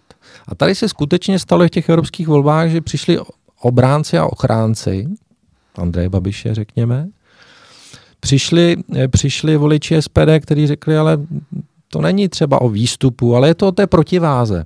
Já už jsem tady o tom eh, několikrát mluvil svého času, když eh, se v krajských volbách vyvažovalo. To znamená, když jakoby vyhrála třeba ODS, která vytvořila koalici, tak eh, rok, dva na to, když byly krajské volby, tak i voliči ODS volili zástupce ČSSD, aby nebyl parlament a kraje jednobarevné. To znamená, tady je i ta snaha vybalancovávat určité poměry hlasů a názorů, aby to zase opět nebylo tedy jednobarevné, jednonázorové. Takže tady se, tady se jaksi aktivují dva elementy. Bohužel to, co je důsledkem a myslím si, že i prací médií a eh, aktivistických eh, novinářů a lidí, umělců a politiků, té politik si vždycky přihraje tu svoji poličičku. Že? ten jako nebude vychovávat ty voliče, nebude říct tohle ne, takhle se nesmí křičet a urážet protivník. Že jo? To si všimněte, vaše vrcholná reprezentace tohle neřekne. Jo? A museli se hodně, hodně dlouho jak si snažit, aby, aby třeba u, u napadení pana Jakla teda řekli, ale to se nesmí, ale všimněte si, jak dlouho jim to trvalo. Jo? A kdo to jenom řekl. A e, protože zase, jo, to je přece správný. Že jo, teď on přece je tam za SPD a to jsou ty špatný, tak to je v pořádku přece, ne? Nebo já nevím, jak to mám rozumět jako normální občan, to je špatně, tak jako tak, že jo. Pro normální člověk přece ví, že, že je špatný v obojí, že ať zleva nebo zprava, prostě násilí není argument, že ani urážka není argument. Můžeme si tím samozřejmě něco vykompenzovat, ale není to argument. A tady politici bohužel uh, sahají po, po těch urážkách, těch svých oponentů, laciná gesta, laciné argumenty, přesně eh, na jedné straně tady u SPD říkají, že, že mají politiku strachu, na druhou stranu se tady z druhé strany valí strach z Ruska, které teda už se chystá, jak tu Evropu teda opravdu jako převálcuje, takže bychom měli pozvat teda snad s vacím dopisem armádu Spojených států, dobrá, nevím. A eh, mám takovýhle jako, hm, takový analogie, tak nevím nebo děsím se jich tedy. Hmm. Jo, ale e, chybí ze strany těch politiků rozum, přístup, respekt. Respekt ke svým oponentům. Jo, respekt k opozici, respekt e, k politikům jiných názorů a nálepkuje se a bohužel ti politici toho využívají. A to je špatně. Že? No ale tohleto, vše, tohleto všechno, co říkáte, samozřejmě s tím se A teď zleva zprava jenom, jo? No, teď ano, nehájím jednu nebo druhou stranu, ano, ale je to prašťaku, ať. Mm, je to z toho vnímat, co jste řekl, rozhodně. A, ale tohle je na převýchovu. To je na převýchovu politiku, vůbec politické scény u nás, ale my nemáme čas převychovávat, jelikož tady je evidentní a to podle mě jenom ignorant, opravdu ignorant může, může říkat, že se vlastně nic eh, neděje, že se nic nestane, že český národ si to nechá do nekonečna líbit, protože i kdybych to vzal analogicky jenom tak jako vzpomínkově, že 40 let komunismus a už brzy to bude 40 let toto, co teď prožíváme, tak to taky není. Už, ano, někdo řekne, je to přehnané, ale možná máme ty 40 rádi, jako tak už taky se schyluje k nějakému závěru třeba, ale tak či onak mluvíme o něčem, co bude trvat zase velmi dlouho. To znamená, ať už převýchova politiku, ať už nové, nové přístupy eh, politických stran, ať už eh, nové, nové lidi, eh, který není kde brát, protože ty nůžky, říct, ty, nůž, osobnosti, tak, ty, nůžky se, ty nůžky mezi těmi, co vládnou a jsou ty mocní a těmi, co jsou na té druhé straně, jsou tak veliké, že tam střední třída se nějak jako vytrácí, anebo se nechce zúčastňovat tohohle boje, protože má sama starostí se sebou, aby vůbec ještě tou střední třídou vůbec mohla být.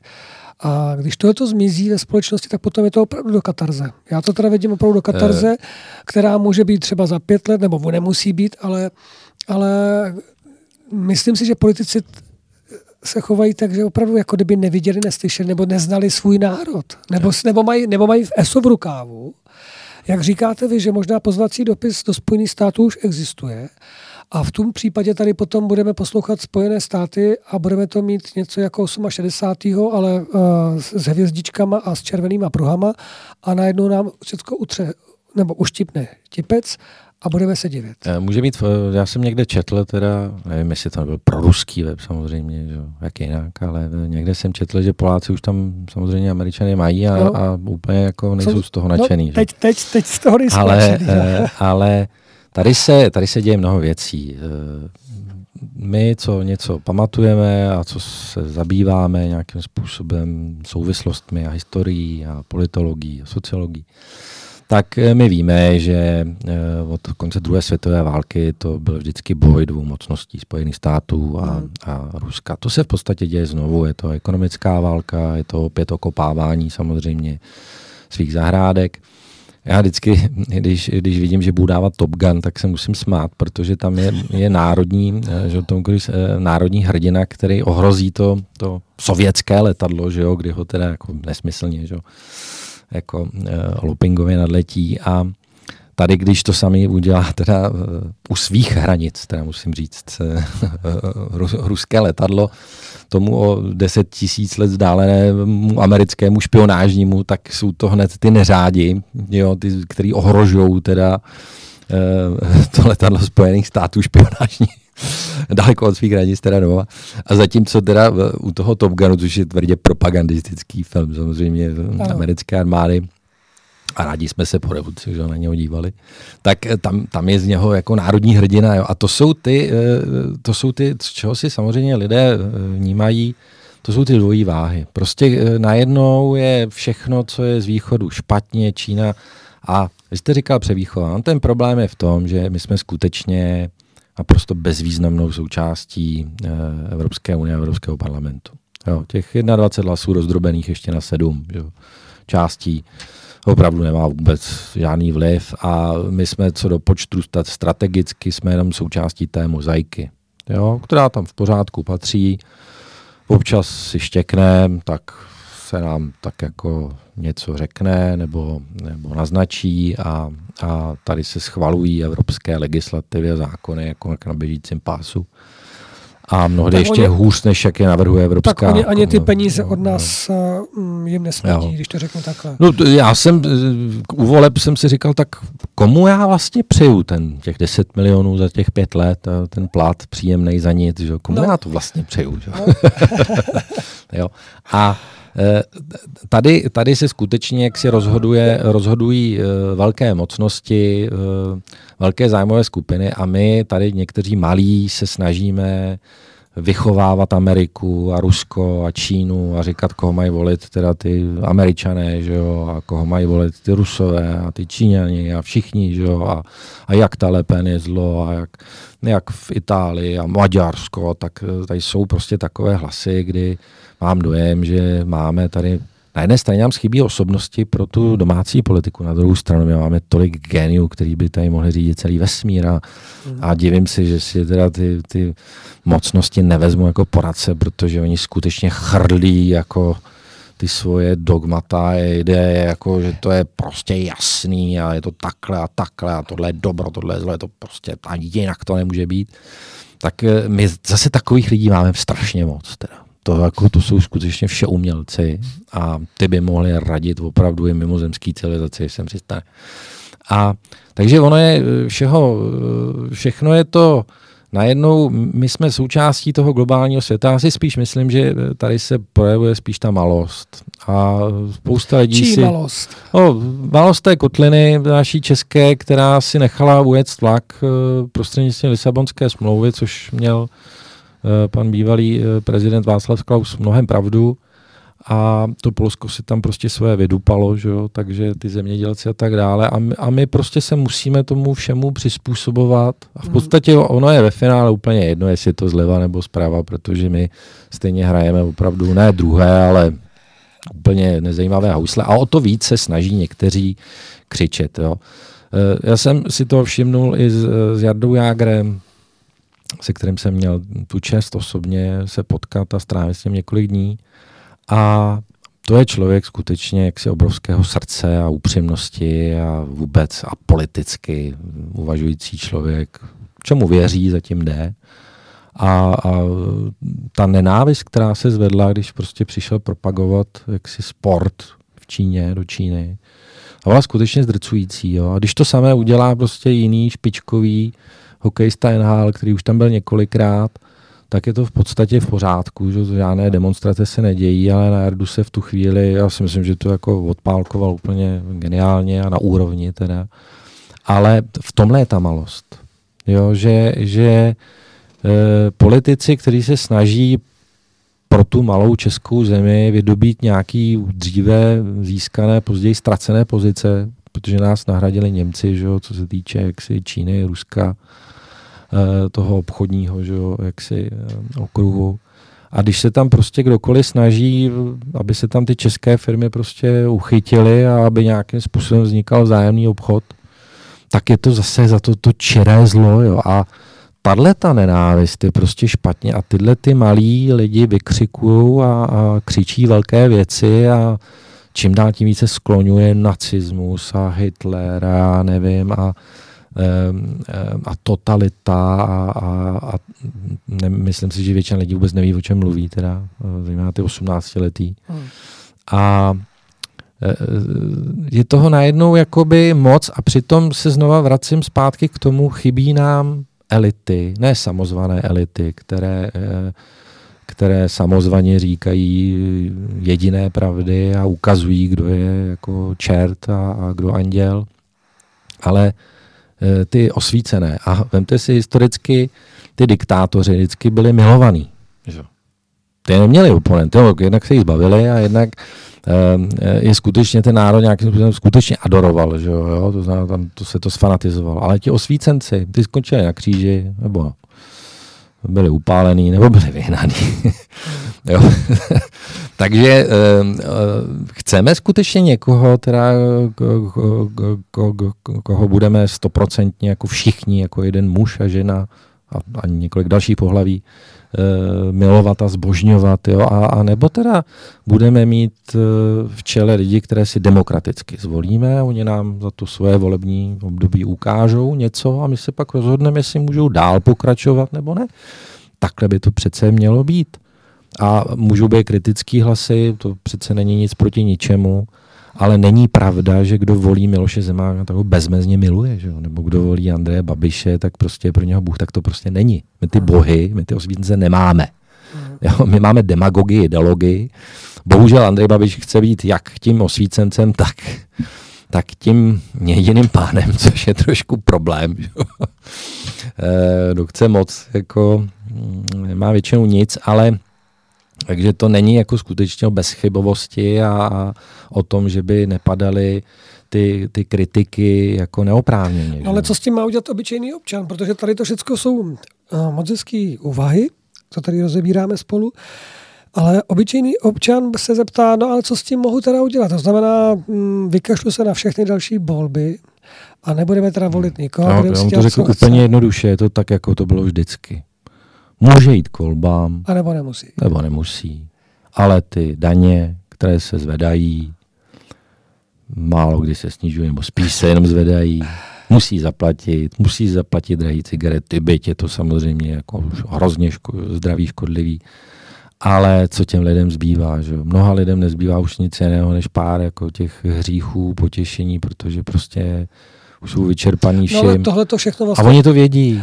Já, já vím, že to... Ale Obyčejný to... člověk bude vždycky jenom ten, ten teď, který teď si se zkusme dívá, spolu co se zauvažovat, co tohle to vyprodukuje, nebo co to udělá se společností za pět, za deset let, když to bude mít tuhle tu neustálou tendenci toho přehlížení těch uh, obyčejných lidí a toho, že ty politici si opravdu dělají, co chtějí a vlastně jejich, jejich nějaká hodnota je, to ani není hodnota. To je... Vě, většina lidí si nedělá iluze o tom, že uh, svět, ve kterém teď žijeme, je o moci a penězích.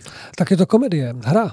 Ano. Tak pojďme hrát teda jinou hru. No, ale Eh, tady ty iluze nejsou. Někdo krade mí, někdo víc, to znamená, ty iluze si myslím, že normální člověk opravdu nemá. A e, ví, že sám toho moc nezmůže, protože tady ty elity jsou, elity vládnou a teď ne naše, ale ty celosvětové. Je spousta, můžeme spekulovat, co, jak, kdo chce zařídit, koho chce zlikvidovat. Jasně, můžeme se mezi sebou bavit, to je tak jako to poslední, co nás bývá, ale pokud, já si dovolím teda říci, že pokud budou nadále fungovat demokratické principy, tak nějakým způsobem ten volič to právo má, ten názor nějakým způsobem sdělí a ta rovnováha určitá politická může být. Jo? A je to pak o té, o té slušnosti, o tom, jak se chováme jeden k druhému.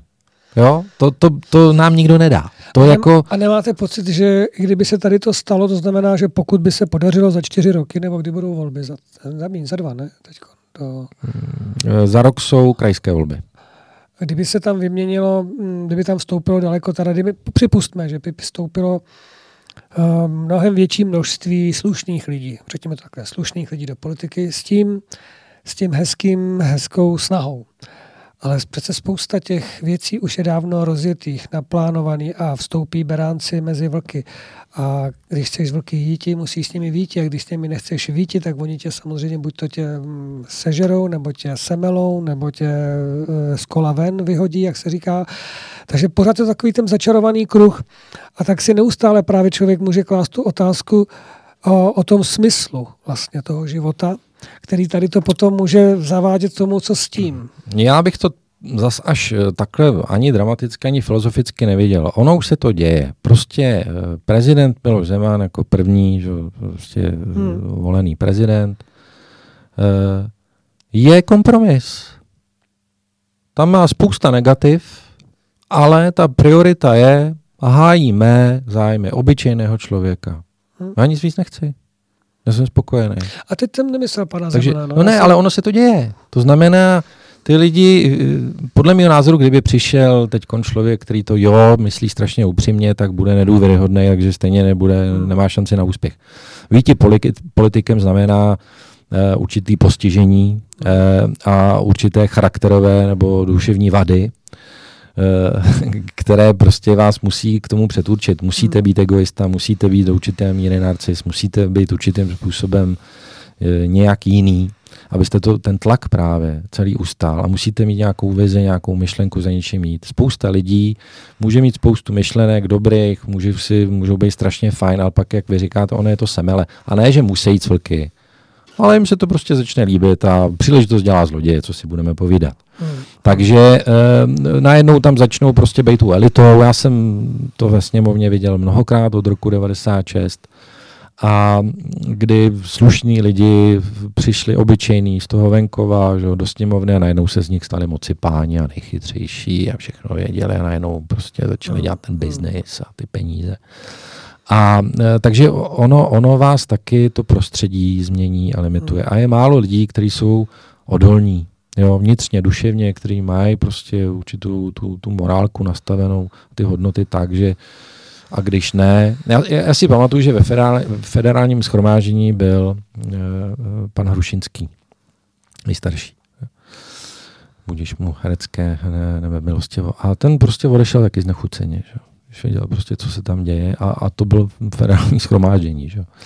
A prostě se s tím nestotožnil, jo, s těmi zákulisními jednání a tak dále a tak dále. A e, já si myslím, že přesně o tom to je. E, lidé už si ty iluze nedělají a chtějí jenom to málo. Oni prostě chtějí, aby v tom Evropském parlamentu, oni vědí, že tam ty naši toho moc nezmůžou. Jo, to, to vědí, ale chtějí... A bude to málo ještě vůbec stačit? no. Co je to to málo? Protože když, víte co, já si vemte si, že známe to císaři, co je císařovo, bohu, co je boží, nebo co patří bohu. Ale co ten císař, který chce pořád víc a víc a vy máte jenom 24 hodin? Rozumíte mi? 24 hodin máte na to, abyste vydělal peníze, zařídil uh, rodinné záležitosti, zařídil záležitosti pro stát, a tak, jak člověk běžný na té vesnici nebo ve městě žije. Ať už je to dělník, podnikatel, uklizečka, prodavačka. Ale máte opravdu jenom 24 hodin. Člověk nedokáže udělat delší čas. Takže potom samozřejmě je to na úkor zdraví, je to na úkor odpočinku, je to na úkor vztahu, rodiny, takže samozřejmě to potom zasahuje i do manželství, zasahuje to do výchovu dětí a podobně. Ale císař chce stále víc a víc a víc, aby vám řekl jinými slovy, vám stačí ještě míň. Vy budete mít ještě míň a ještě míň a ještě míň, protože já chci víc a víc a vy mě stejně budete volit. Protože už to je tak daleko za tou hranicí, že ta šance na to, abyste to převrátili do nějaké uh, vyrovnanosti nebo harmonie, nebo jak, to nazvat, nebo rovnováhy, aspoň to slovo rovnováha použijeme, je tak, uh, je tak pro ty lidi, mohla by být potom tak vzdálená, že už to vzdají že, že i člověk má za určitou hranici, pokud to nemá nějakou vnitřní duchovní sílu, která by ho poháněla mnohem víc než eh, běžného člověka. To jsou právě ti, jak oni říkáte, kteří byli opalováni, kteří byli potom vy, vyhoštěni a nevím, co ještě. A jestli potom právě, že ten člověk to už nevzdá, že ta, ty hranice toho, té odvahy, statečnosti, toho, že máte, že si držíte do poslední chvíle sny, ideály, že věříte ve, spa, ve spravedlnost, v pravdu, přes všechno, co se děje, že to najednou určitý počet vzdá. Eh. Protože císař je císař a chce stále víc a víc a není páka, která by ho zastavila. Eh, já vám to řeknu takhle. Eh, myslím si, že opravdu určitou hrozbou, že by to mohlo se celé zvrtnout, by bylo, kdyby, řekněme, Británie znova pořádala referendum o Brexitu. To tím by popřela veškeré demokratické principy, jako nejstarší samozřejmě demokracie na evropském kontinentu. A taky tam vyhrála strana že, pro Brexit v evropských volbách. Je to paradox, ale je to tak. Dokud budou fungovat demokratické principy, tak ať jsou lidi na náměstích, ať prostě řekněme, tak vypnu určitá média, nebudu se na ně dívat. To něco, a to je to málo. Ten čl- obyčejný člověk chce vědět, že na něho ten císař, ten mocipán, aspoň trošku myslí. A, a český člověk chce opravdu málo. To znamená, chce zvednout důchod, chce, uh, chce mít někde nějakou úlevu, uh, drobní živnostníci chtějí taky něco, Eh, mají určitý práh samozřejmě jako přes eh, únosnosti a snesitelnosti. A samozřejmě ten, pokud by se pře, eh, jak, jak si překročil, tak nevím, záleží na tom jak a co, tak samozřejmě tam už se potom jako schyluje jako nějaký občanský revoluce a tak dále, nějakým nepokojům. Ale vemte si, ve Francii se demonstruje dnes a denně. Tam jsou prostě na to zvyklí. A Národní sport. u nás se z toho prostě zase tady se sejde 1,5% mm, voličů eh, na Václavské náměstí a dělá se z toho prostě 89. a dělá se z toho svržení e, totalitárního režimu. To jsou prostě špatné analogie a ta, takhle, takhle to jako nefunguje. Eh, nebo nemělo by. A, ale to, že se sejdou, řeknou, dobrý, ale nemůže menšina rozhodovat o většině, nemůže menšina diktovat, co bude a nebude. Od toho jsou ty volby. A ten člověk, když si to vemete, tak eh, když studovali krysí společenství, a už jsem to čet několikrát, tak zjistili, že ty krysy oni mají poměrně to společenské sociální chování stejně jako, jako my. A oni zjistili, že eh, když těm krysám dají žrádlo, pití, mají všechno, nemusí, jo, a dají jim prostor, jako by se mohli rozmnožovat, že aby mohli tvořit ty svoje komunity a tak dále, tak oni dosáhnou určitého vrcholu a pak na, začne destrukce. A v tom pozorování zjistili, že samci se v určitém stádiu začnou, přestanou se eh, věnovat e, samičkám a začnou se věnovat pouze jídlu, e, pití a sami sobě. A ty samice jsou naštvaný, že, jo? že tak, tak začnou být agresivní. A i když toho samce, který, eh, který eh, má tenhle ten, jak si dostane tenhle ten mod, přenesou do jiného zase úplně, zase úplně do, do, do jiného společenství zase od začátku, tak on už jede v tomhle režimu. Už prostě nemá zájem se rozmnožovat, má všechno. On nemusí nic. A jestli já jako z toho sociologického pohledu vnímám problém, tak je to právě v tom, že když si vemete po vývoji od druhé světové války, tak eh, to období míru, které trvá skutečně, a teď když to vezmeme historicky, tak skutečně v nejdelší dobu, že? Eh, co, co, co tedy nějakým způsobem monitorujeme teda historii té naší kotlině, a, nebo, nebo v střední Evropě, a ono nelze paušalizovat a bagatelizovat, že se všichni máme líp, protože jsou na tom lidi, kteří jsou na tom velmi, velmi špatně a těm by se mělo primárně pomáhat.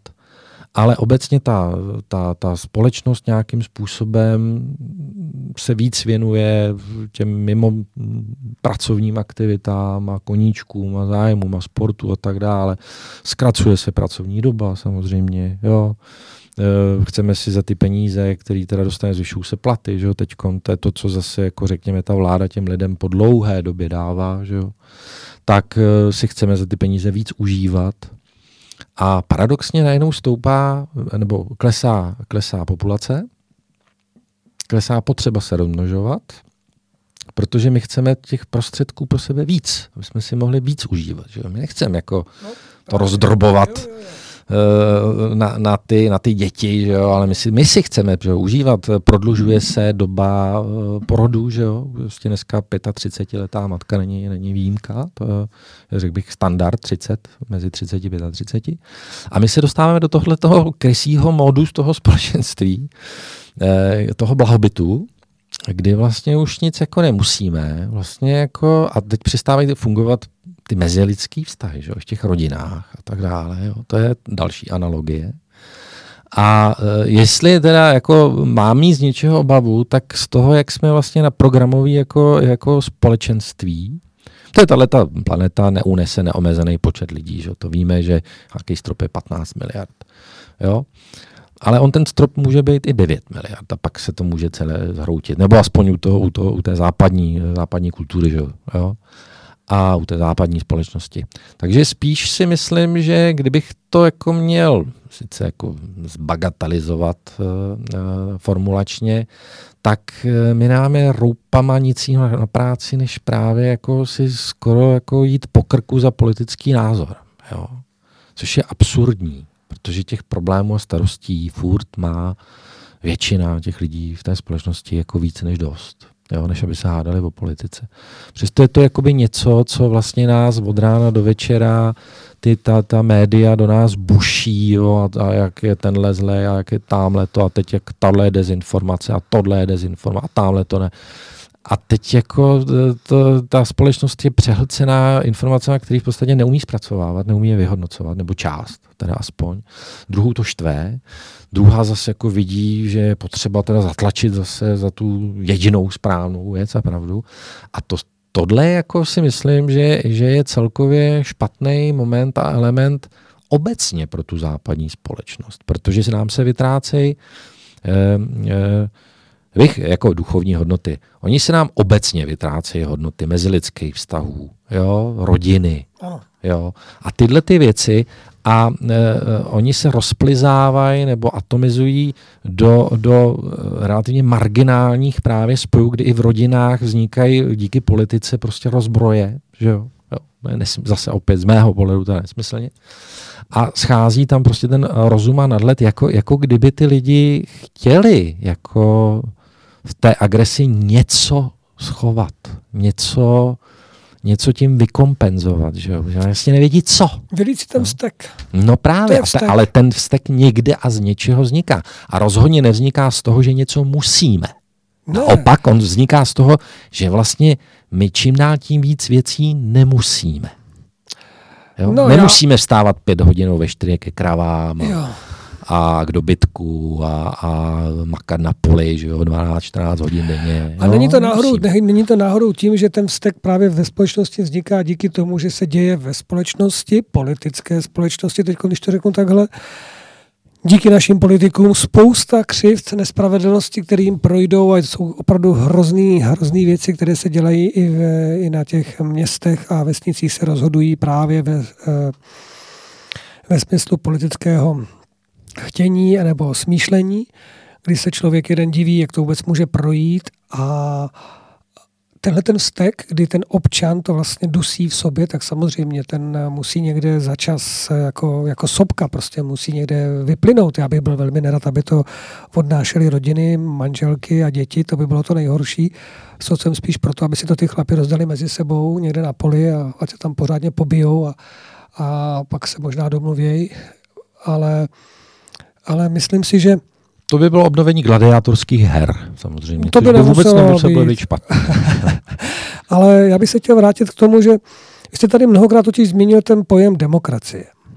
A já sám už ji nevěřím v té podobě, jak to teď tady, nevěřím tomu, protože ta demokracie, kterou se všichni oháníme, je to slovo, který používají dnes a denně politici a přitom ho ponižují, zesměšňují tolika svými rozhodnutími a svým chováním, to, to, ano, že vlastně nemůžete, jako kdybych ženě říkal miluji tě a přitom jsem jí byl čtyřikrát denně nevěrný. Ano, ano. Jako, je to jedno a to samé jedno a to samé. A jakož to bude, po, a jakož, ale já bych, to, a teď si představte, že to budete pořád říkat, milujte, milujte, milujte, milujte, celá veřejnost to bude s váma pozorovat a přitom budete dělat tu nevěru, tak si ta společnost zvykne na to, že pod tím slovkem miluju tě vlastně ono asi je miluju tě součástí toho, že může muž být nevěrný, pokud se ta žena nevzepře a pokud nebude nějaký jasný krok, že už takhle dál ne. A jestliže politici mluví o demokracii a chtějí demokratické volby a chceme, aby ty voliči přišli a vyjádřili ten svůj hlas, aby, aby aby byli teda měli tu možnost jednou za čtyři roky si zvolit ty, co jim pravděpodobně teda slíbí lepší chleba nebo lepší zákony, přestože to je nereálné, protože za čtyři roky víme sami, že se nedají změnit zákony za čtyři roky na to, že tam nějaký dostat, takže to jsou spíš jenom takové ty úpravy no, Oni se dají, ale ona přijde, nasta, přijde nová garnitura a ta se změní, takže... Tak, takže začarovaný kruh, takže jsme tam neustále v začarovaném kruhu a v tu chvíli zase si potom klademe otázku, nebyl by teda lepší nějaký jeden vůdce, osvícený vládce, který by měl nejenom moudrost věku, ale měl by sebe třeba i opravdu to duchovní napojení a zároveň spravedlnost, která by mu byla vnuknuta. Mám jiný recept, úplně jiný, jiný recept. recept je. Já, já teda jako uh, konstituční monarchie, mě by se strašně líbila, nicméně to jsou nereálné věci a uh, já si myslím, že i, i když nás tady sebe takhle poslouchám, mě by skutečně zajímalo, uh, jestli, jestli ještě někdo, někdo vydržel nás, nebo i mě poslouchat, ale já mám z toho už pocit, že už my, i my už jsme příliš zabředlí do, do toho patosu a paskvilu, který, který eh, do toho bahna, který se tady kolem té politiky vytváří. A není lepší na pivo, bavit se o holkách, jo, bavit se...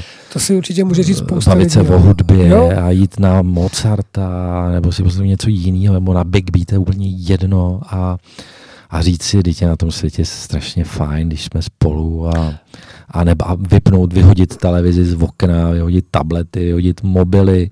I to je přece tak báječný recept a uh, být jednou za čtyři roky uh, k volbám a říct, hele, fešáku, ukaž, co umíš, my ti ten hlas dám. No a když nás naštveš, tak ti ho zase nedáme a dobrý a pojede to, pofrčí to. Já si myslím, že, že revoluce je určitě prostředek, jak něco změnit, ale ono, ono většinou ty revoluce nebo poslední dobou jsou nějak řízené, nějak to úplně hmm. nefunguje.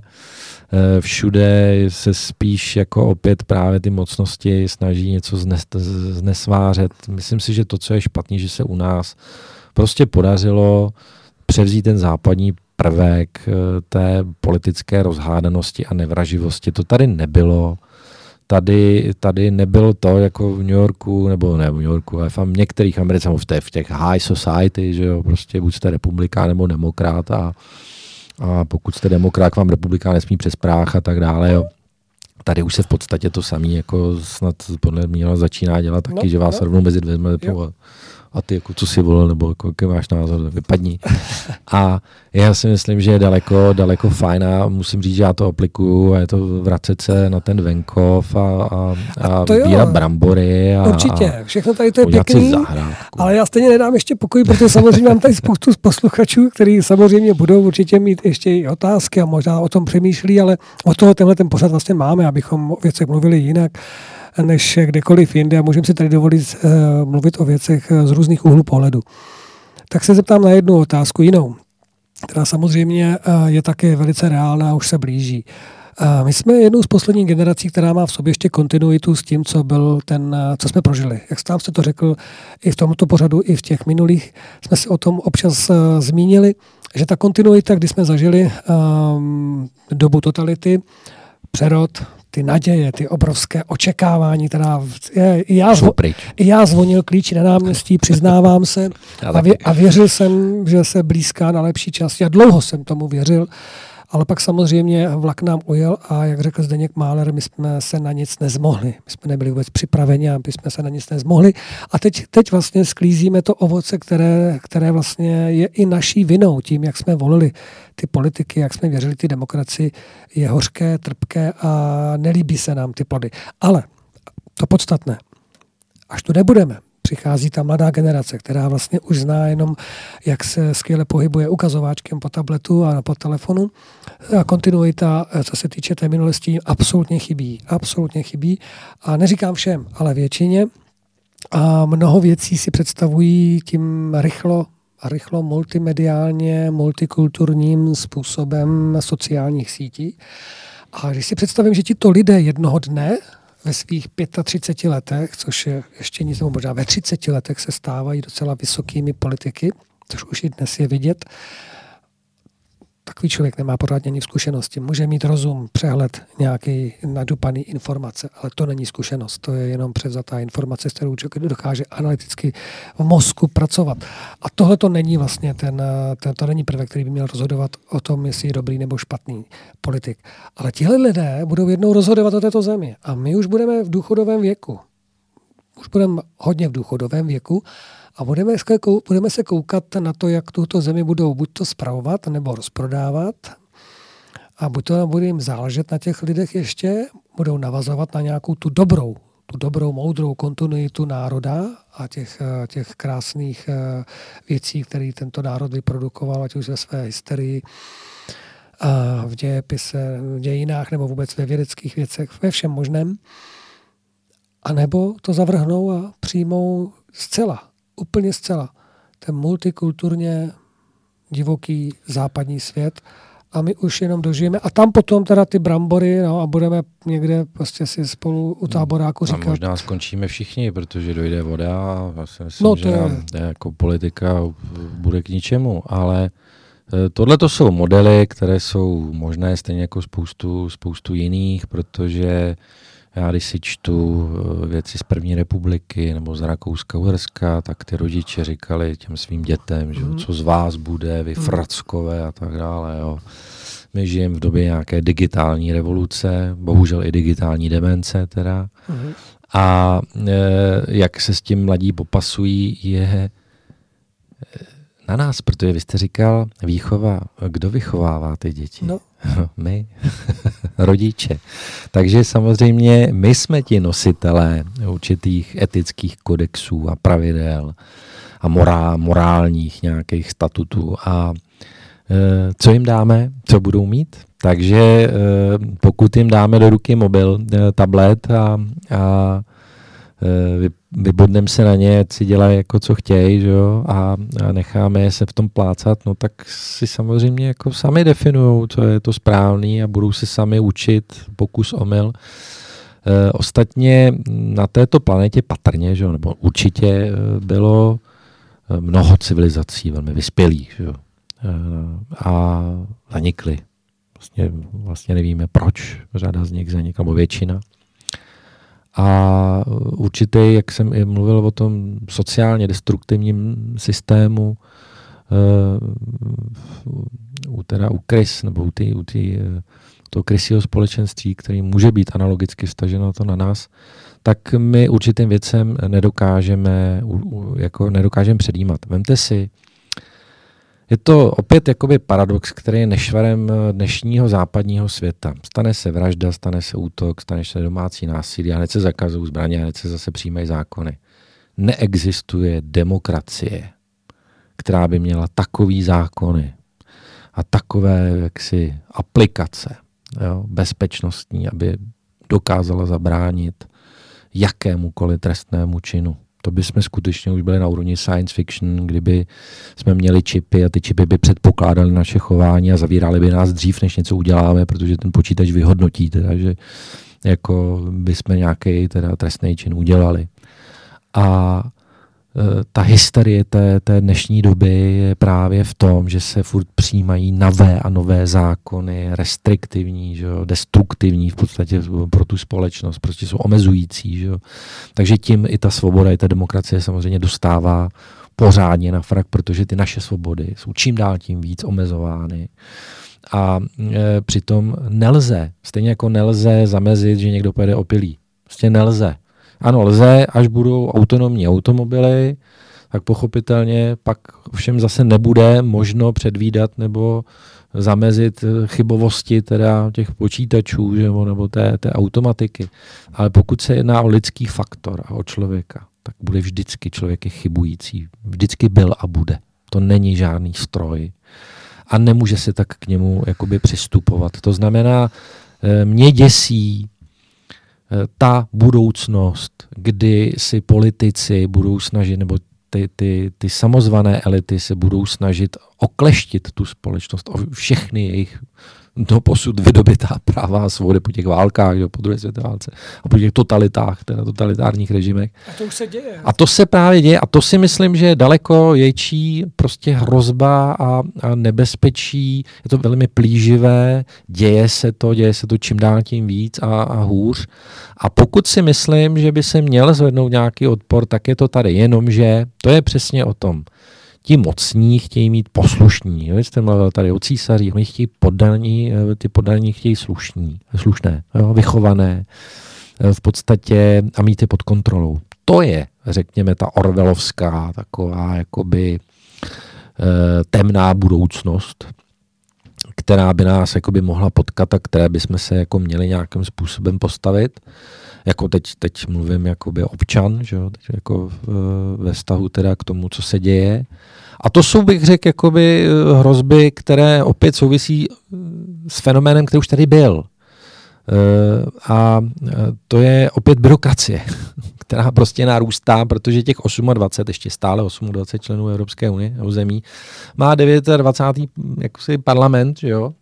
A ten eh, se snaží nějakým způsobem prostě ovládat zase ty nejméně poslušné ovečky samozřejmě, že jo, nebo, nebo nej, nejlépe ovladatelné a, a, a manipulovatelné.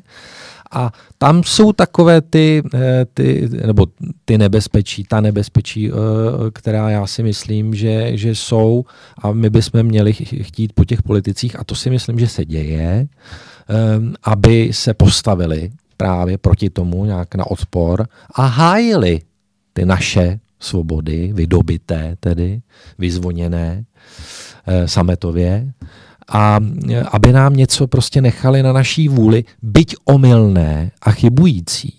Jo, to se prostě bude dít. Prostě se pohádají manželé, tak eh, prostě opijou se, protože to by se musel zakázat alkohol, musel by se zakázat všechno, že jo. Bodného dozadu nezakážeme kuchyňské nože, že jo. To je prostě nesmysl. To se prostě dít bude. A já si myslím, že my bychom měli chtít byť omylnou a chybující společnost, ale do určité míry stále svobodnou. Ale jasně, pokud někdo něco udělá, ať za to piká, v pořádku to by tam samozřejmě mělo být.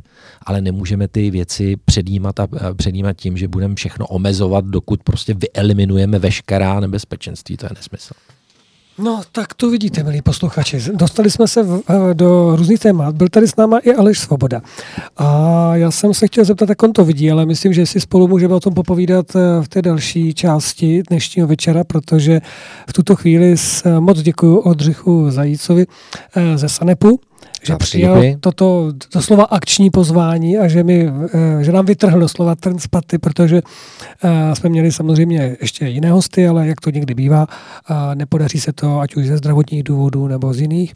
Tak já doufám, že, že jsem neodradil mnoho posluchačů. Myslím, že rozhodně ne a že toto, toto si eh, mnoho lidí rádo poslechne ještě i ve, ve svých aplikacích mobilních, protože jste se dotkli mnoho témat a je to k neustálému přemýšlení. Přemýšlení o tom, jak budeme, jak budeme tu budoucí uh, naší společnost uh, volit. Vlastně ano, volit. Ano. volit. Zatím, zatím, zatím, zatím doufám, volit. zatím ještě volit. svobodně volit. Ano. Zatím volit, protože uh, byť máme na volby různé pohledy a různé názory, tak ale zatím je to, když přimouřím oko a samozřejmě se vším tím negativním, co k tomu s tím je, tak prostě je to jediná možnost, kterou, milí posluchači, máte volit v tomhle systému, kde žijeme. Takže děkuji moc krát. Přeji vám krásný, krásné léto, krásné jaro, vlastně jaro, které přichází teda hodně do léta, abyste, abyste měl hezké výsledky ve všech vašich a děkuji vaš, i vám, vašich posluchačů. Odhadů. A, hostů dobrých. A já těším se, že se zase někdy uvidíme, určitě se uvidíme, protože těch voleb nás čeká ještě hodně. to, to vlastně vy, máte, vy máte vlastně takové ty o práci zajištěno a i o pozvání do různých pořadů, ať už do rádí nebo televize nebo do, mm, na, na řádky časopisu postaráno, protože, protože vy máte ten, ten přehled, který my nemáme z toho většího úhlu pohledu. Já vám ho rád poskytnu. Budeme rádi. Ještě jednou moc krát děkuju. Taky děkuju. A mějte se hezky. Zatím se s váma loučíme, ale ještě zůstaňte s námi, milí posluchači. Rádio Bohemia je tady s vámi, jsme tady už po delší době opět ve středu, živě a teď přichází oblíbený Jarek Nohavica. Mě by to docela zajímalo, jak to myslí Jarek vůbec. Ten by mě zajímal jeho názor, protože, prosím? Taky dobře. Já Taky myslím, dobře. že má, má hlavu na správném místě i rozum tak třeba si ho jednou pozveme sem k nám a popovídáme si s tím, protože jeho texty za to určitě stojí. Poruba po ránu je plná malých pionýrů, poruba po ránu je plná malých pionýrů, poruba po ránu je plná malých pionýrů.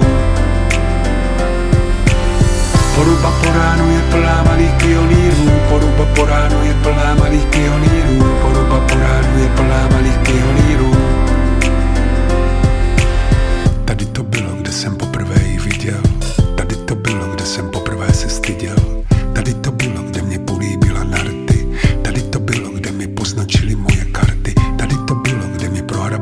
Kapsy saka. Nenašli a zavolali SMBáka. Tady to bylo, kde mě dohnali mé pochybnosti na úsvitu dospělosti. Poruba po ránu je plná malých pionýrů, poruba po ránu je plná malých pionýrů, poruba po ránu je plná malých pionýrů. Poruba po ránu je plná malých pionýrů, poruba po ránu je plná malých pionýrů, poruba po ránu je plná malých pionýrů. Učili azbuku a dole na nábřeží skřívan mi na ruku. A dřív než odletěl, tak mrkl na mě spiklenecky. Tady to bylo, kde jsem přečetl knížky všecky. Tady to bylo, kde mi uvázali šátek a já měl ruce otlačené od mávátek a žluté lampiony svítily jak bludičky a vedli do chaloupky kouzelné babičky. Poruba po ránu je plná malých pionýrů, poruba po ránu je plná malých pionýrů, poruba po ránu je plná malých pionýrů. Práškující letadlo klesá nad Leninku. Včera mě napadlo otevřít černou skřínku. Všechno, co najdeš ve své paměti, je vyzobané zrní ptáků, kteří v zimě odletí, na jaře se vrací na horní dvůr, sednout si na klepáč a poslechnout si náhrobní kámen v D-dur. Tady to bylo.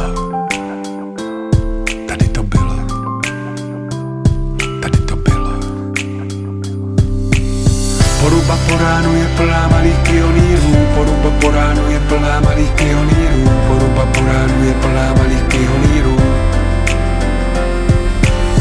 Poruba po ránu je plná malých pionýrů, poruba po ránu je plná malých pionýrů, poruba po ránu je plná malých pionýrů. Tady to bylo, kde jsme poprvé šli vedle sebe, já se tě letmo dotkl a hvězda padla z nebe. A jak tak padala, země se chvěla, cinkaly a poruba se probouzela. Tady to bylo a jinde nemohlo být. Těžko si vybrat místo, kde by se chtěl narodit, pod jakou vlajkou, komu a proč.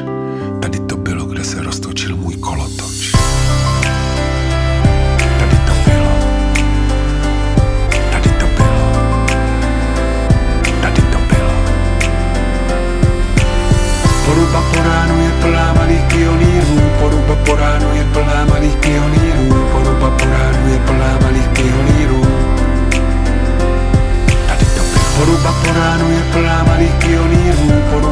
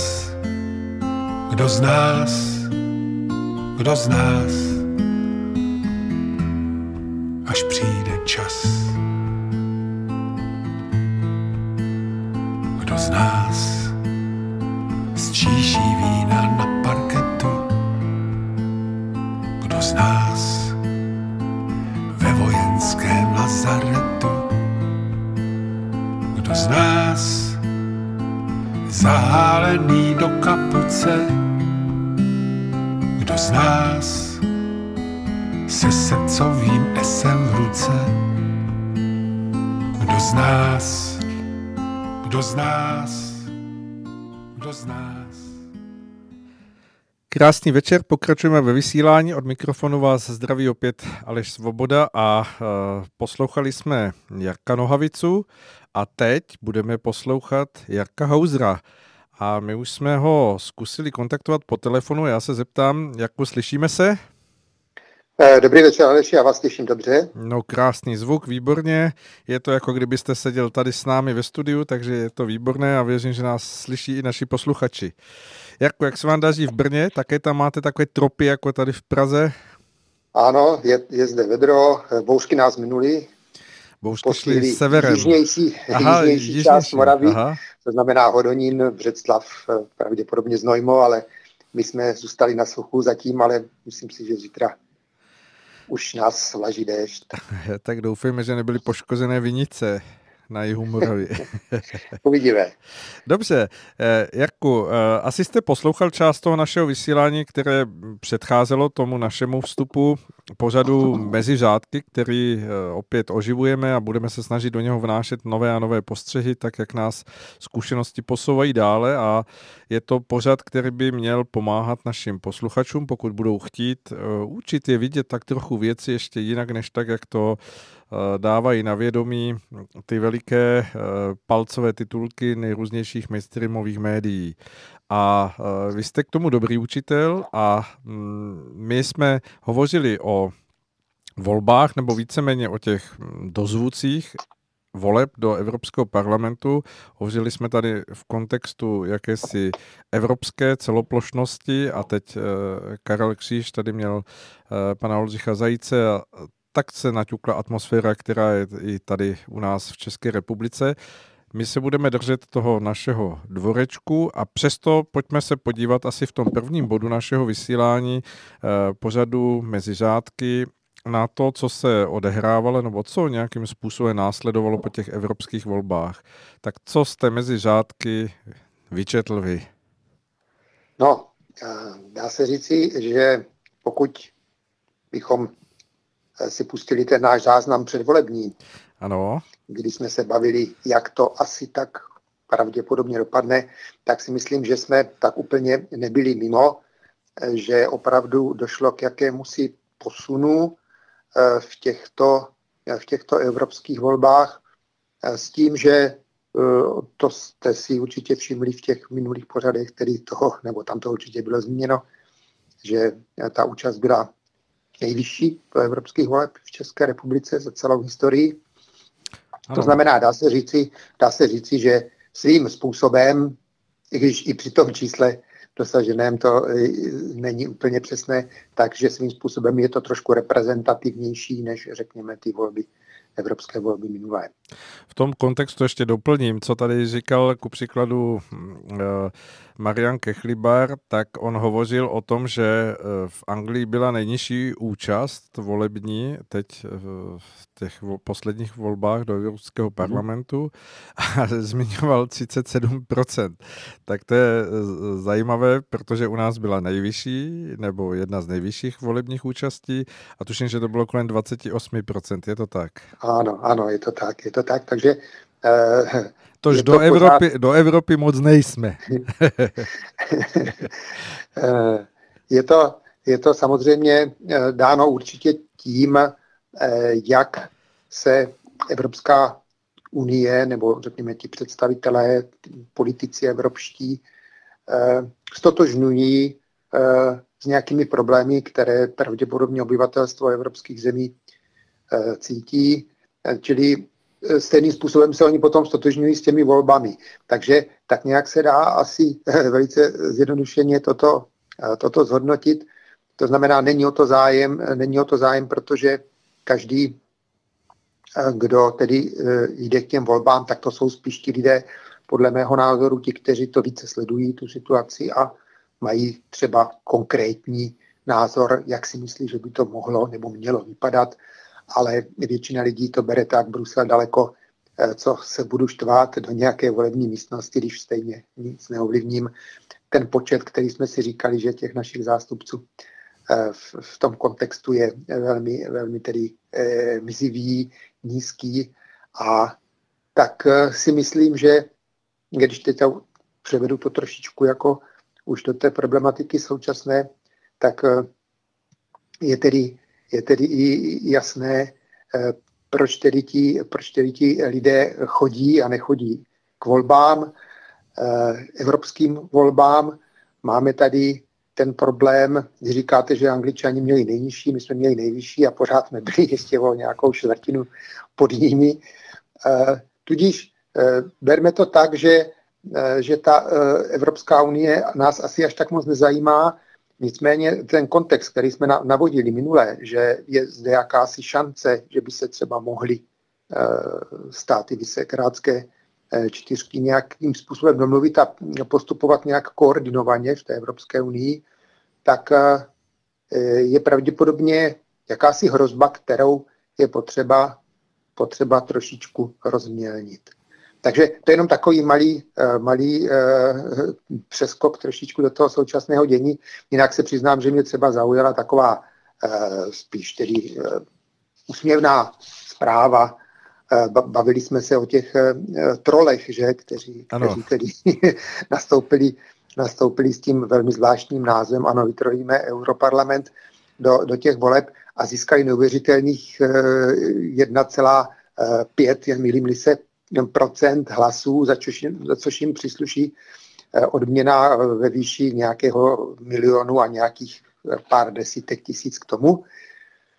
Nicméně narazili na úředního Šimla, a protože jsou to opravdu pravděpodobně pouze jenom komici a spíš provokatéři, tak si neuvědomili, že mají eh, konat tedy v souladu s regulí, ano. předpisy, odevzdávat různá hlášení a tak dále za což je, jim teďka asi bude napařena nějaká pokuta, sami tedy ještě netuší asi jak velká, ale e, jejich e, zástupce, nějaký pan Zapoušek, e, prohlásil něco v tom smyslu, že ví, že mají nějaký problém, ale že neví ještě jaký, že si to budou muset přečíst, aby zjistili, v čem je problém, protože to nikdo nestudoval před volbami. Pravděpodobně ten jejich volební trik, který použili, eh, netušili, že bude tak úspěšný a asi s tím nepočítali.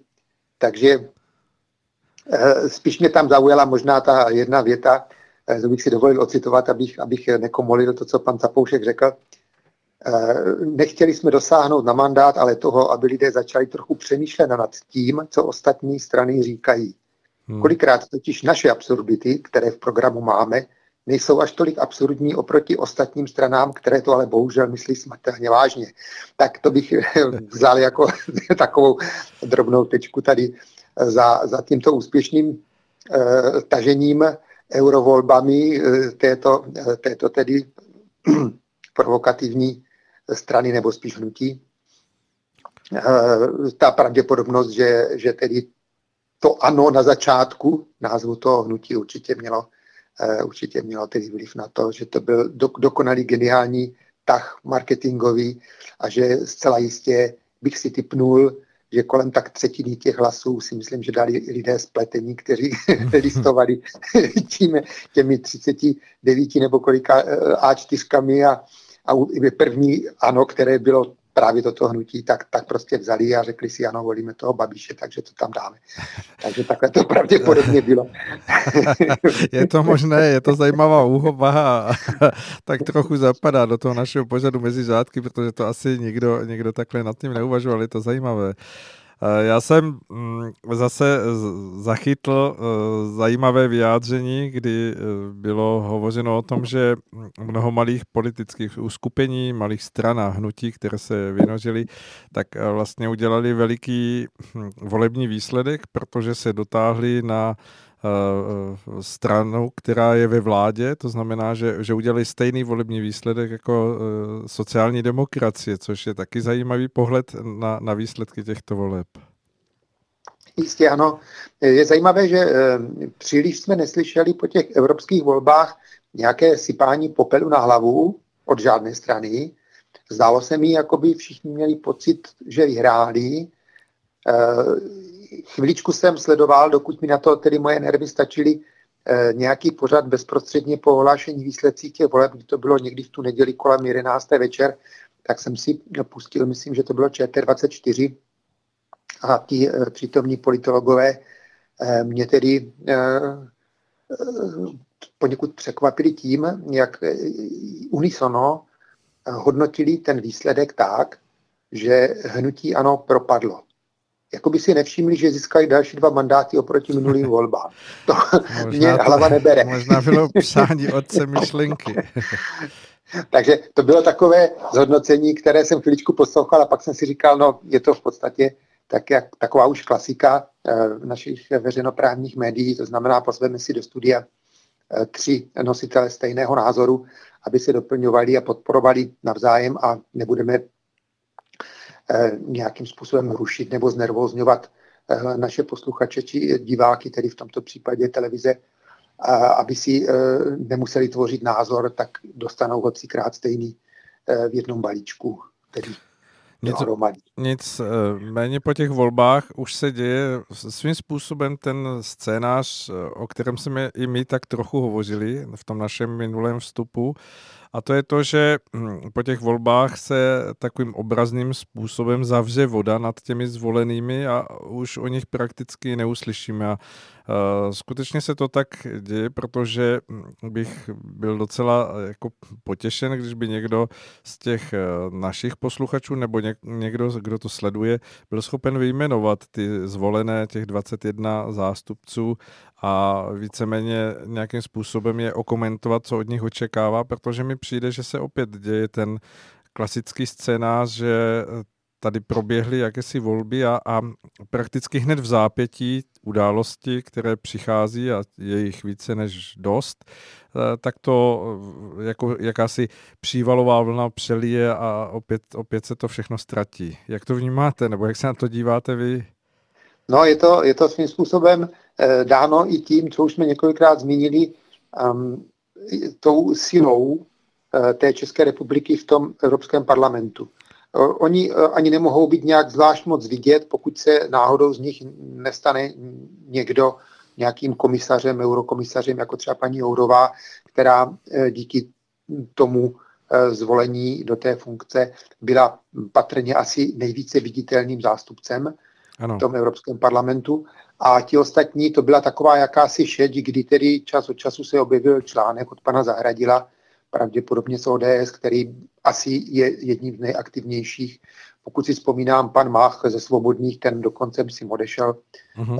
z, té, z toho parlamentu. Takže eh, je, je, to, je to prostě ta, eh, je to prostě ta politika, příprava voleb je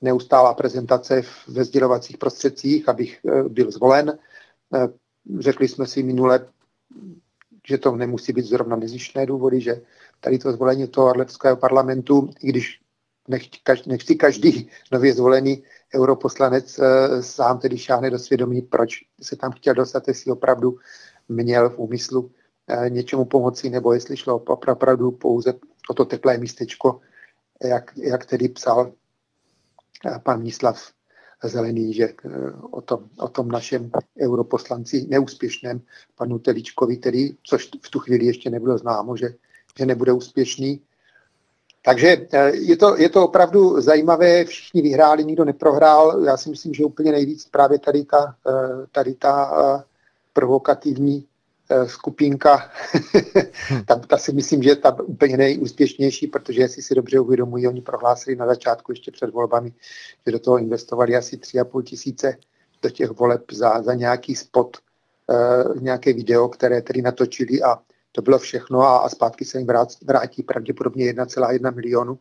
Takže to je docela uh, dobrý obrat, uh, přidaná hodnota. To je dobrý výsledek, i finanční. A uh, je to, je to uh, to zavření vod za těmi našimi poslanci v Bruselu asi proběhne opět. Možná, myslím si, tak jak sledují poslední dobu tady, řekněme, ta alternativní média, když to nazvu takto, uh-huh, tak si ano. myslím, že, že pravděpodobně do tohoto šedého průměru nebude zapadat pan doktor Ivan David, který byl zvolen tedy jako jeden ze dvou poslanců za, uh-huh. za uh, Okamurovou SPD. A ten pravděpodobně bude informovat na svých stránkách Nová republika uh, ty své uh, čtenáře tady tohoto internetového denníku o tom, co se, co se tady v Bruselu děje. A takže ty informace budeme dostávat z první ruky pravděpodobně. Od Uvidíme, byla by to příjemná změna a samozřejmě by to byl možná dobrý motiv i pro další, aby více referovali o tom, co se tam děje a co hmm. opravdu jsou schopni v tom svém mandátu pro hm, jakousi stabilitu toho postoje nebo místa České republiky v tom konglomerátu Evropské unie eh, vybojovat. Dobře, eh, já jsem mm, trošku naznačil, že hned po těch volbách se hm, skutečně tady eh, v médiích zvířilo mnoho témat, která dala rychle zapomenout na ty, na ty proběhlé volby. A to pojďme se dotknout těch, těch několika nejdůležitějších bodů, protože nemáme za stolik času, abychom to rozebírali skutečně do Určitě. detailu. Tak pojďme se dotknout toho, co, co vás zaujalo jakoby nejdůležitější eh, z těch posledních nějakých sedmi, deseti dnů. No tak dá se říct, že eh, co zaujalo pravděpodobně pouze ty, kteří čtou ta alternativní média, protože v těch, v těch tedy nejvíce propagovaných Eh, médií, která teda vytváří to veřejné mínění, se to příliš neobjevovalo, nebo jenom tak cudně eh, v krátkých odstavcích, tak byly dva útoky na pana Jakla. Uh-huh. Tam si myslím, že svým způsobem je to něco, co někteří komentátoři nazývají zhrubnutím té, zhrubnutím té scény u nás. Jsou to neustále vyvolávané konflikty ať už je to, jsou to ty různé demonstrace eh, milionů chvílek a já nevím čeho všeho, kde tedy se objevují, objevují nepříliš tedy, řekněme, slušné výrazy vůči eh, názorovým oponentům. To samozřejmě není pouze na těch demonstracích, na těch eh, lepenkových eh, plakátcích, ale objevuje se to dokonce i v tom mediálním prostoru. Můžeme no. vzpomenout třeba zástupce ODS, eh, který byl nakonec, asi už to nebylo únosné, tak nakonec byl vyloučen nějaký pan Lang někde, někde v nějaké obci u Prahy, jestli si to dobře pamatují, ano. který chtěl podřezat pana prezidenta. Takže to jsou věci, které vedou právě k tomu, že ti lidé asi tyto věci berou více normálně a potom dojde k tomu, že člověk, jako je pan Jakl, byl tedy insultován nějakým mužem, eh, který eh, prohlásil něco v tom smyslu, a ty seš ten, který za SPD, tak tobě, tobě to musím eh, vysvětlit. Takže toto jsou věci, které tedy proběhly, nebylo to jedno, bylo to dvakrát už, že tady tato záležitost poprvé, když to proběhlo, tak ta média ČT a rozhlas se v podstatě o tom příliš nezmiňovala, přestože je členem rady pro vysílání. A, nebo možná proto nevím. Takže až ten po tom druhém útoku se objevilo něco v tom smyslu, že snad dokonce i v parlamentu se to nějak odsoudilo, tento útok. Čili to je, to je jedna věc. Druhá věc, Tam můžeme, si... pardon, no. že vás přerušuji, přidat jako protiváhu, abychom zároveň byli vyváženi a zároveň dali jakýsi mm, proti, proti obraz. Eh, zmínit to, jakým způsobem bylo v médiích eh, zesíleno a, a potenciálně eh, vyvoláno do nejrůznějších článků napadení pana Ferryho někde kousek pod Uherským hradištěm na nějakých oslavách vína. A když to srovnáme, tak troufám si říct, že to napadení bylo minimálně jako podobné, ale o tom ze strany eh, pana Jakla skutečně proběhly jakési noticky, nebo já se omlouvám, ale nevšiml jsem si, že by byly palcové titulky, že by byl napaden to určitě ne, bylo to přesně tak, jak říkáte. Eh, u toho pana Ferryho to bylo, pokud si dobře vzpomínám, eh, roztržená košile, takže to byl poměrně těžký incident, který bylo potřeba proprat Eh, ve všech možných médiích, aby bylo vidět, jak je ohrožena demokracie a že je potřeba tedy výjít na, na různá náměstí a, a protestovat proti kde komu, hlavně proti těm, kteří tedy proti našemu přání vyhráli volby a dneska tedy určují politiku, jsou ve vládě. Takže tak to, tak to, to funguje. Možná si ještě vzpomenu další věc, která, která tady, když jsme se spolu naposled bavili, tak se zmínil takovou velmi zajímavou věc, že se zavřela voda nad panem docentem Staňkem, eh, dříve to ministrem kultury, když nevím, jestli už byl odvolán nebo nebyl odvolán. A on je v jakémsi mezistavu, jak, jak to on tak je asi... V takovém, ano, taková hibernace jakási zajímavá, kdy nikdo neví, jestli je ještě nebo není, není ministrem, protože už byl už byl tedy panem Hamáčkem eh, víceméně eh, jmenován nebo, nebo jej oznámeno jméno nové místo star, bývalý místo starosta Nového města. Tak je to takové zvláštní. Já si myslím, když už tady mezi těmi řádky, no. proč, tomu tak, proč tomu tak je? Protože jsem přesvědčen o tom, že Transparency International je dnes Eh, neziskovka, která je podporována eh, kde kým a velice se využívá právě v tom eh, tažení antibabiš, jak se říká zjednodušeně. Ano. A teď vlastně došlo k tomu, že Transparency International považuje ty kroky pana Fajta a toho druhého odvolaného, zapomněl jsem to jméno, čili ty, které pan docent Staněk odvolal, za velmi nestandardní, tudíž je těžké s ním polemizovat. Mm-hmm. Nemůžeme jednou vynášet do nebe z Transparency International, že je, že je v pořádku, když bojuje proti, proti našemu premiérovi a že to není v pořádku, když bojuje proti nebo, nebo se postaví za, za odvolávaného ministra kultury. Tak to si myslím, že tedy, tak toto jsem vyčetl mezi těmi řádky, že bylo potřeba to nějak zamést a e, dá se říci, že tady ty miliony chvílek, e, teď už nevím pro co, e, tak... Pro demokracii jasně, jo, pro demokracii. Eh, ono už těch názvů bylo více ano, ano, ano. se toho strechovají různí činitele, takže eh, to přišlo vhod eh, v tuto chvíli a pan Hamáček nemusí teďka nikde vysvětlovat, proč, co, jak. Je to, je to trošku překřičeno, řekněme, těmito událostmi, které jsou Aktuálnější, ano, ano. No, je to tak, že ta aktuálnost a samozřejmě mm, ten jakýsi eh, směr vedený na vyšší figuru přehrává tu, tu figuru nižší, což samozřejmě není jenom v kartách, ale, ale i v té politice a samozřejmě tady, tady je tentokrát hra o mm, jako poměrně vysokou figuru v té české politice a tak je, tak je samozřejmě toto hlasitější a viditelnější a tam to se upozadilo. A jak jsme se spolu bavili, když jsme se připravovali na naše vysílání, tak eh, zřejmě asi mm, sociální demokracie za to může jenom děkovat, protože Mm, získala jakýsi tam time out eh, na vydechnutí v tom, v tom zápase, kdy chvíli byla poměrně viditelná v těch médiích a přetřásaná a zřejmě jí to moc nesvědčilo v tom stavu, v jakém je.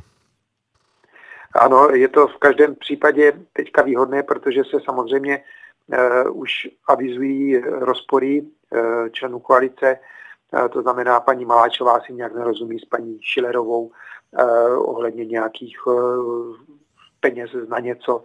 Takže eh, je lepší vlastně nechat prezentovat to, co jde vůči tomu hnutí ano, protože sdělovací prostředky jsou tomu více naklonění, uh-huh. protože tahle ta hra ať je pan Babiš jakýkoliv, už jsme si moc krát řekli, že to není že ani favorit ani jednoho z nás, nicméně eh, proto máme snad tu výhodu, že se na to můžeme dívat nadhledem a můžeme se usmívat na některými tahy, které, které tedy probíhají. Já bych možná ještě, než, než, než tady toto uh, otevřeme, protože to je ano. samozřejmě téma, téma, řekněme, úplně čerstvé a, a poměrně aktuální, tak bych jenom připomenul, protože nejsme na běžném médiu a e, bavíme se tady o věcech i e, které třeba nesouvisí tolik e, jenom s tou politikou nebo ukazují souvislosti té politiky i s nějakými jinými stránkami, to znamená třeba s tou duchovní stránkou, tak já bych připomenul jednu věc, proč možná někteří lidé přemýšlí, proč se toto děje u nás, děje se to jenom u nás, má to nějaký význam, má to nějaký význam politický, má to nějaký význam jiný, duchovní, eh, finanční a tak dále. Tak já bych možná jenom připomenul výrok eh, velmi známého pana Bismarcka, Otu von Bismarcka teďka myslím, uh-huh.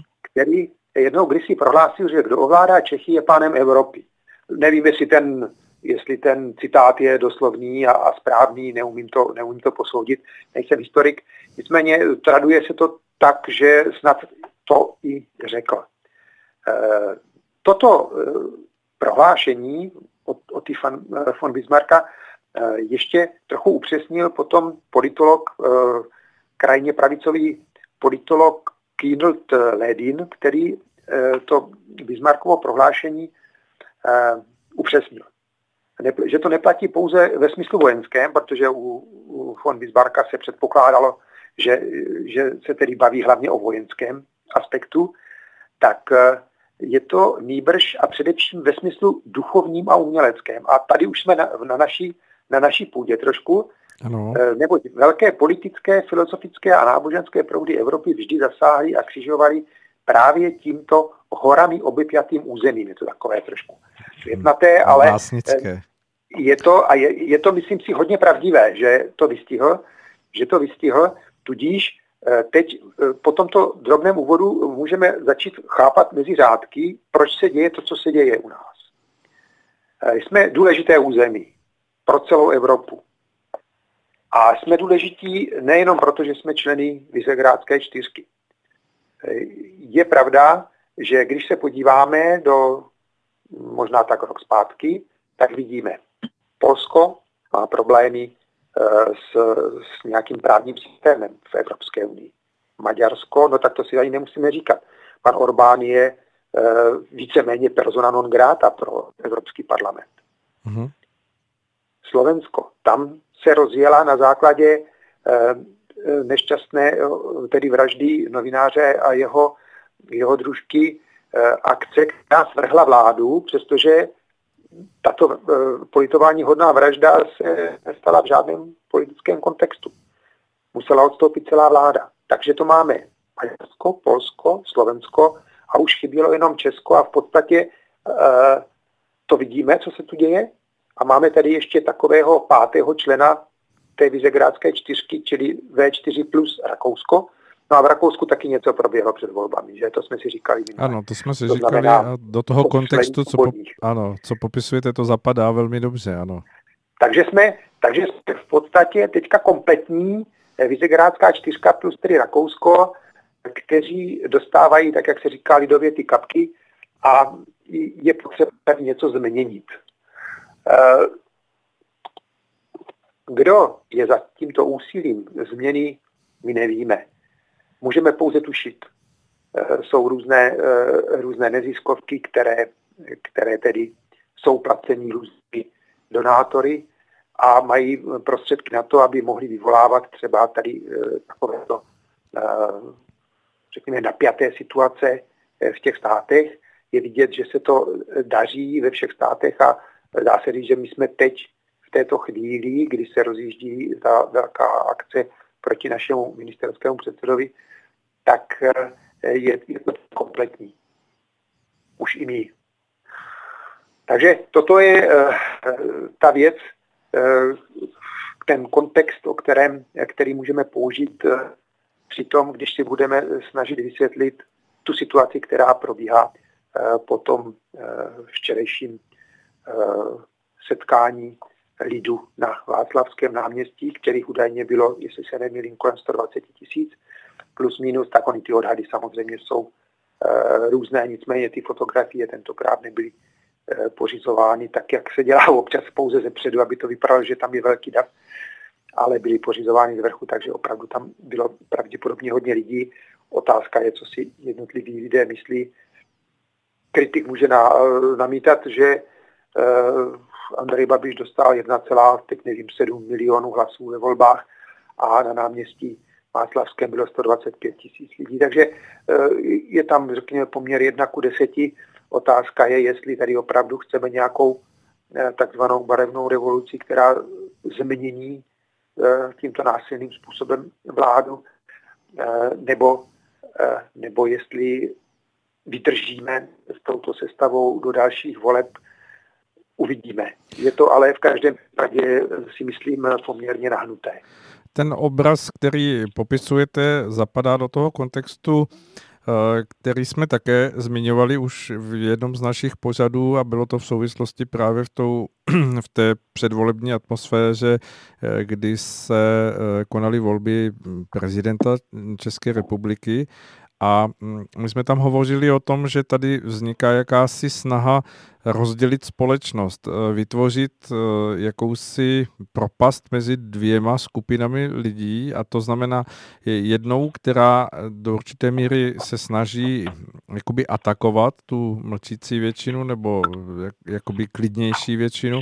A druhá strana je ta, která vlastně Eh, je jako ten spící nějaký medvěd, který tak dlouho je pošťuchován, až se uh, skutečně eh, nějakým způsobem dá do pohybu a um, ta společnost se um, do určité míry může skutečně, byť za těmi velkými slovy o tom, že se tady jedná o demokracii a podobně, eh, dostat k jakému si rozkolu. Jak to vidíte vy?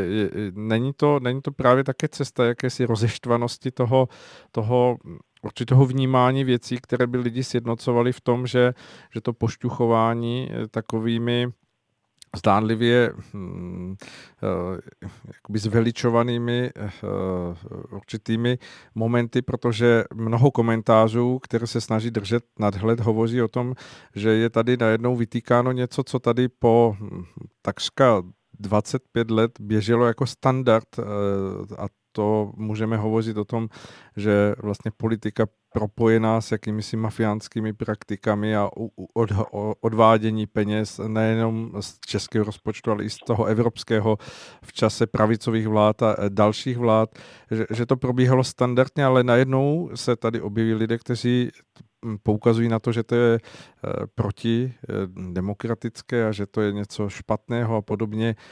Jak to vnímáte vy? Já to vnímám samozřejmě jako účelovou hru.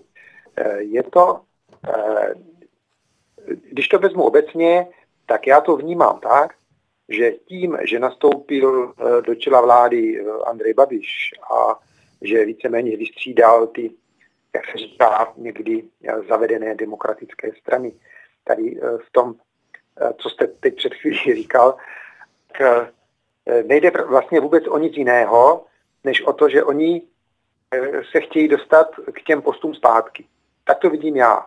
To znamená, je to střídání pouze tak, jak se dříve víceméně to vypadalo jako, že se domlouvali, jak se střídala sociální demokracie s demokratickou stranou ve vládnutí a, a víceméně eh, pamatujeme všichni opoziční smlouvu, že se dokonce to dali do smlouvy, že spolupracují, tak eh, to byl jakýsi zavedený pořádek, do, do kterého vlastně vlétl eh, tedy Andrej Babiš a celé to rozstřílel.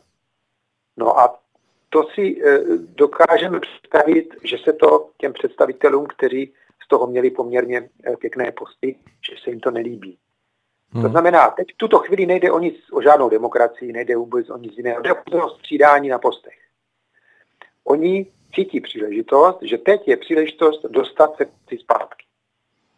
Protože pravděpodobně e, nějaké problémy s dotacemi Agrofertu, e, buď jsou, nebo jsou umělé vytvořeny, nebo jsou nafouknuty, to my nevíme, protože do toho nevidíme. Dokážeme si možná představit, že když někdo bere nějaké dotace, takže musí vést nějaké, uh, taky nějaké papírování, že musí se to nějak dokladovat a dokážu si představit, že tam asi nebude vždycky úplně všechno, eh, tak jak se říká lidově s kostelním pořádkem, protože aby se na nějakou dotaci do, dosáhlo, tak se musí dosáhnout nějaké parametry, které se možná e, někdy v některých případech, a nevím, jestli je to případ Agrofertu, e, musí trošičku poupravit, aby to, aby to zapadlo do toho, do toho dotačního rámce. Takže e, je docela možné, že dneska se našlo někde e, v nějakých těch žádostech o dotaci těch firm skupiny Agrofert Eh, nějaké pochybení v tomto smyslu, že se udělali nějaké hloubkové audity a že se třeba zjistilo, že některé dotace byly čerpány neoprávněně. A teď se tedy budeme bavit o tom, jestli to bylo správné nebo nebylo správné, ale ta zásadní otázka, která by měla padnout, je, jestli jsou správné dotace nebo ne. Na to se už nikdo neptá. tak, to, je, to je věc, to, ta se přehluší. Jo? To je potřeba vlastně, to už mezi těmi řádky není vidět, protože my potřebujeme se bavit o tom, my potřebujeme bič, na někoho, takže se budeme bavit o tomto. E, trošičku se mi e, zdálo zajímavá argumentace, e, moc jsem to nesledoval, nicméně vím, že, že řada fondů se nečerpala, některé peníze se museli vracet, nevěděl jsem ty objemy, jaké jsou. Teď uvedl, myslím, že to bylo včera, Andrej Babiš, že za dob těch vlád, kdy nám vládla ta dnešní, tedy dnešní zavedené demokratické strany, takže se vracelo kolem 35 miliard a my se bavíme, my se bavíme dneska o 260 milionech. Jo, čili tam zase se podívejme na to, na ten poměr. Jo, nikomu to nevadí, těch 35 miliard, e, nikdo se o tom nebavil, ale teď jeden člověk má problémy pravděpodobně s 260 miliony dotací a o tom se mluví, protože je potřeba, e, jak, jak se říká, zničit krtka. Jo, takže to se teď, teď, teďka to uh, použije. Čili je tu, je tu tedy uh, 35 uh, miliard neproplacených a od dubna 2018 je tedy zadržených 17 miliard. Hmm. Jo? Takže máme, máme tady čísla, já neumím posoudit, jestli to, co, to, co řekl Andrej Babiš, uh, někdy, myslím, že to bylo v televizi, tady tato čísla 35 eh, nevyčerpaných a 17 miliard zadržených, jestli jsou pravdivá, ale zase si myslím, že eh, to bude řádově v pořádku, že si nemůže dovolit v tuto chvíli eh, s těmi čísly nějak moc žonglovat. Takže jsme zase u toho, když jsme se bavili o Čapím hnízdě, který byl za 50 milionů, který notabene ještě byly vráceny, tak dneska se zase bavíme o něčem, ale to, co bylo předtím o řád vyšší, Eh, nějaké, nějaké problémy, tak o tom se nebavíme. Čili je to účelovka, eh, podívejme se, podívejme se opravdu mezi ty řádky, že to tam, že to tam zní, je to tam, že se nejedná o, o čistotu eh, čerpání dotací, ale že se jedná o účelový útok na člověka, který obsadil posty, které si mysleli ty zavřené strany, že tedy nikdo nikdy jiný neobsadí.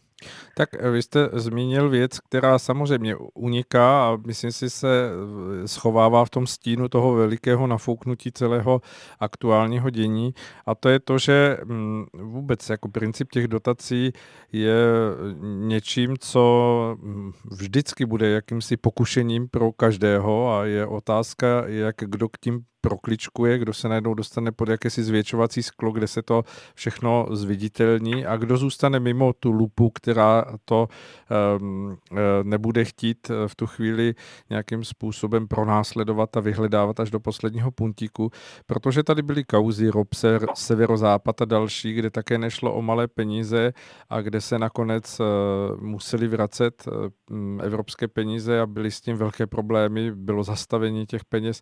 A to najednou jakoby z toho obrazu hm, té celkové hm, hm, chvilky demokracie uniká, že, že celý ten systém je svým způsobem uh, uh, nějakým uh, rozměrem rozhlodán a, a, a postižen tou vlastně snahou jednotlivců o, o jakési profitování a že pouze ti, kteří uh, chtějí být uh, nějakým způsobem viditelnější, tak se, tak se dostanou po to uh, jak, jakýsi drobnohled, který to zvětší. Ale to nemá být samozřejmě omluvou, uh, samozřejmě. protože kdo má máslo na hlavě, má, má hmm. skutečně máslo Určitě. na hlavě. Je to tak, jak říkáte. A teď, jak jste, jak jste pronášel ta slova, tak si vzpomněl na to, jak jsme se před lety Eh, bavili eh, právě o tom, že bude fajn, až lidé pochopí, eh, a to bylo ještě v dobách, nemýlím se, myslím, kdy šéfoval ODS pan Topolánek a sociální demokracii pan Paroubek, čili tam to bylo tedy personifikováno, ten boj ODS, ČSSD do těchto dvou osobností. A tak jsme si říkali, že, že by bylo fajn, kdyby ti lidé konečně pochopili, že je přece nesmysl Eh, stavět se, jestli, jestli Losna nebo Mažňák, ale že by měli pochopit, že oba dva jsou vlastně na stejné úrovni a eh, že by měli pochopit, že ani ten, ani ten, ale někdo úplně jiný. A teď jsme tady vlastně u stejného problému, že nemá smysl napravovat ten eh, stávající systém, který je naprosto prohnilý, už tedy na odpis, v podstatě tedy v útlumu a Eh, měli bychom se eh, asi bavit spíše o tom, co by mělo následovat. A to je třeba věc, která mi chybí u toho eh, milionu chvílek pro demokracii, že oni chtějí jedno jediné, nebo dvě, dvě věci chtějí. Aby odstoupil pan Babiš a aby odstoupila paní Benešová. To jsou dvě věci. Neslyšel no. jsem ještě nikde nic o tom, co by se mělo udělat jako pozitivního co by mělo být. Já si představuji, nebo teďka budu modelovat situaci, že tedy oni se e, zaleknou tady e, té ulice, odstoupí, e, vyvolají předčasné volby, no jak to dopadne? Úplně stejně jako to teď, plus minus nějaké procento.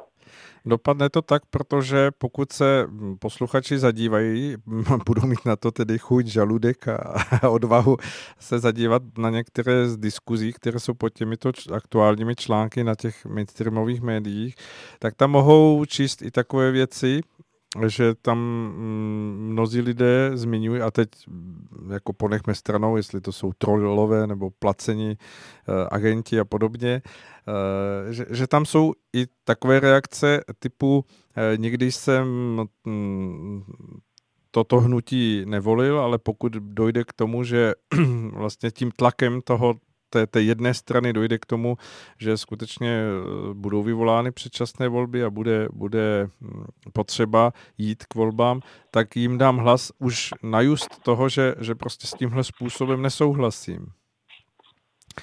Eh, ponechme stranou eh, hloubku nebo jako sílu nějakého zdůvodnění takového názoru, ale nicméně ten tlak eh, vyvolává vždycky protitlak a vy to říkáte asi správně, že pokud by skutečně se naplnil ten scénář, který zmiňujete, eh, tak, tak se věci nakonec neposunou skoro o žádný dílek. My jsme vlastně o to témž hovořili s panem Marianem Kechlibarem v, v ve stejné situaci je, je Rakousko, které mm-hmm. zhruba někdy kolem poloviny září čekají volby do rakouského parlamentu a s největší pravděpodobností to bude stejný model nebo velmi podobný model, který byl předtím, než byla ta ta kauza uh, svobodných vyvolána a vlastně ta celá vláda toho uh, pana Kurce uh, destruována.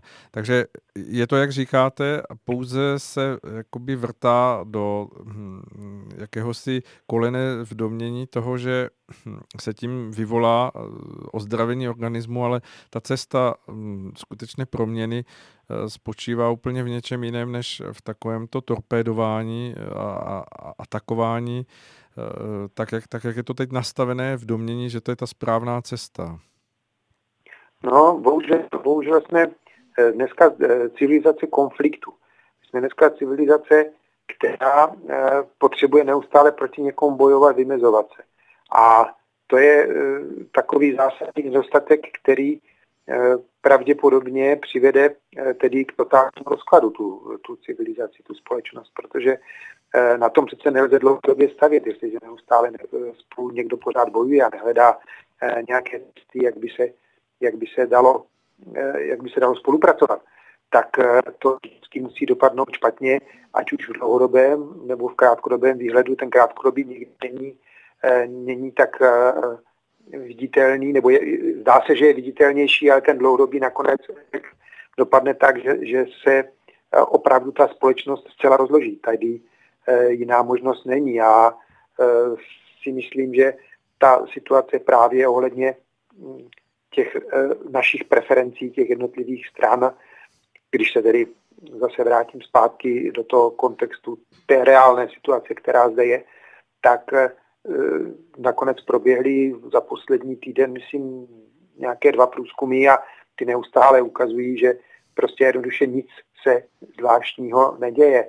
Pohybují se tam nějaká procenta eh, okolo, eh, které si předávají mezi sebou ODS a Piráti a, a na tom chovostu jednou lidovci se dostanou, jednou nedostanou, jednou se dostane TOP 09, jednou nedostane, ale v podstatě nic zvláštního se neděje s těmi preferencemi. To znamená, je dost možné, že tady ta akce, která tady probíhá dneska eh, proti, proti premiérovi, tak je eh, taková jakási, nechci říct, že poslední šance, a taková velká, velká šance pro ty, aby to nějak zvrátili, aby případně přesvědčili tedy ty možná váhavé, kteří eh, přemýšlí, jestli ano, jestli ano nebo ODS. a, a, takže že se při případných předčasných anebo i řádných volbách e, přesune tedy přesune, ta, přesunou ty preference někam jinam, ale e, nezdá se mi, že by to mohlo být. Je, to, je to asi dost naivní na to spoléhat, že něco tak, takového jako demonstrace něco změní v současné době. Skoro mi připadá, že jestliže oni se prohlašují, že jsou miliony chvíl Eh, pro demokracii, tak eh, mně to skoro připadá, že jsou teda dva miliony chvíl proti demokracii, protože eh, oni opravdu nerespektují ty výsledky, ať jsou, jaké jsou a můžeme se bavit o tom, asi, asi přijdeme na to nakonec spolu, když se budeme bavit, tak vždycky dojdeme k tomu, že je, je to špatně taky tak pro, pro ten budoucí vývoj. Nicméně ta situace je taková, ti lidé pořád ještě budou Eh, volit mezi těmi silnými osobnostmi, eh, které se mohou dneska prezentovat v těch médiích a, a vždycky, to, vždycky to musí dopadnout eh, v podstatě úplně stejně. To znamená, jestli oni říkají, že někdo má odstoupit, tak jsou vlastně proti demokracii. Já tomu nerozumím. Jo? Z tohoto pohledu dnešních představ o té demokracii Jestliže teda tvrdíme, já si to taky úplně 100% nemyslím, že tvrdíme, že máme nějaké svobodné demokratické volby, tak co dál, co dělat? Byla jiná možnost, stala se sestavit jiná koalice, eh, mohl tam být někdo jiný. Eh, jo, ten, ta osobní animozita vůči, vůči ministerskému předsedovi, to není vlastně žádný program. Jo, to je, to je něco, co se pouze využívá a ti lidé to mohou chápat opravdu tak, jak říkáte, někteří tedy tak, že se zatvrdí ještě proti, proti uh, hnutí ano a někteří naopak, jak vy říkáte, že ty průzkumy říkají, že možná to vyvolá ten protitlak, čili že třeba při příštích volbách nebude mít ano 30, ale 35% je to tak, jak říkáte a víceméně to potvrzuje naše slova, která jsme pronášeli. eh, v těch našich předchozích dílech, co jsme měli Mm, před nějakým časem, kdy jsme hovořili o tom, že mm, vůbec očekávání toho, že hm, volby jako takové mohou změnit nějaké zásadní ovzduší nebo nějakým výrazným způsobem ovzduší ve společnosti, že to někdy nebude toto očekávání naplněno, protože ten celkový stav a celkové naladění toho hm, společenského ovzduší vychází od každého člověka jako jednotlivce a v tomto směru uh, vyplývá, nevím už, kde jsem hm, četl citát o tom, že uh, ta západní společnost je tak schizmatická, tak zahleděná do určitých jednotlivých bodů, že možná se dočkáme hm, situace, kdy Eh, svolavatele demonstrace proti vlivu společnosti Huawei se budou svolávat eh, telefony společnosti Huawei. Eh, tak no, no. to jenom potvrzuje tu hm, jakousi schismatičnost a nepochopení toho, že, že skutečně ten, ten směr a, a to, to vykročení k nějakému hm, ozdravování společnosti Eh, není možné opřít jenom o tyto způsoby, které očekávají lidé, že, že se někam někdo dosadí a bude to fungovat správně. Konec konců eh, jsem se dočetl, že eh,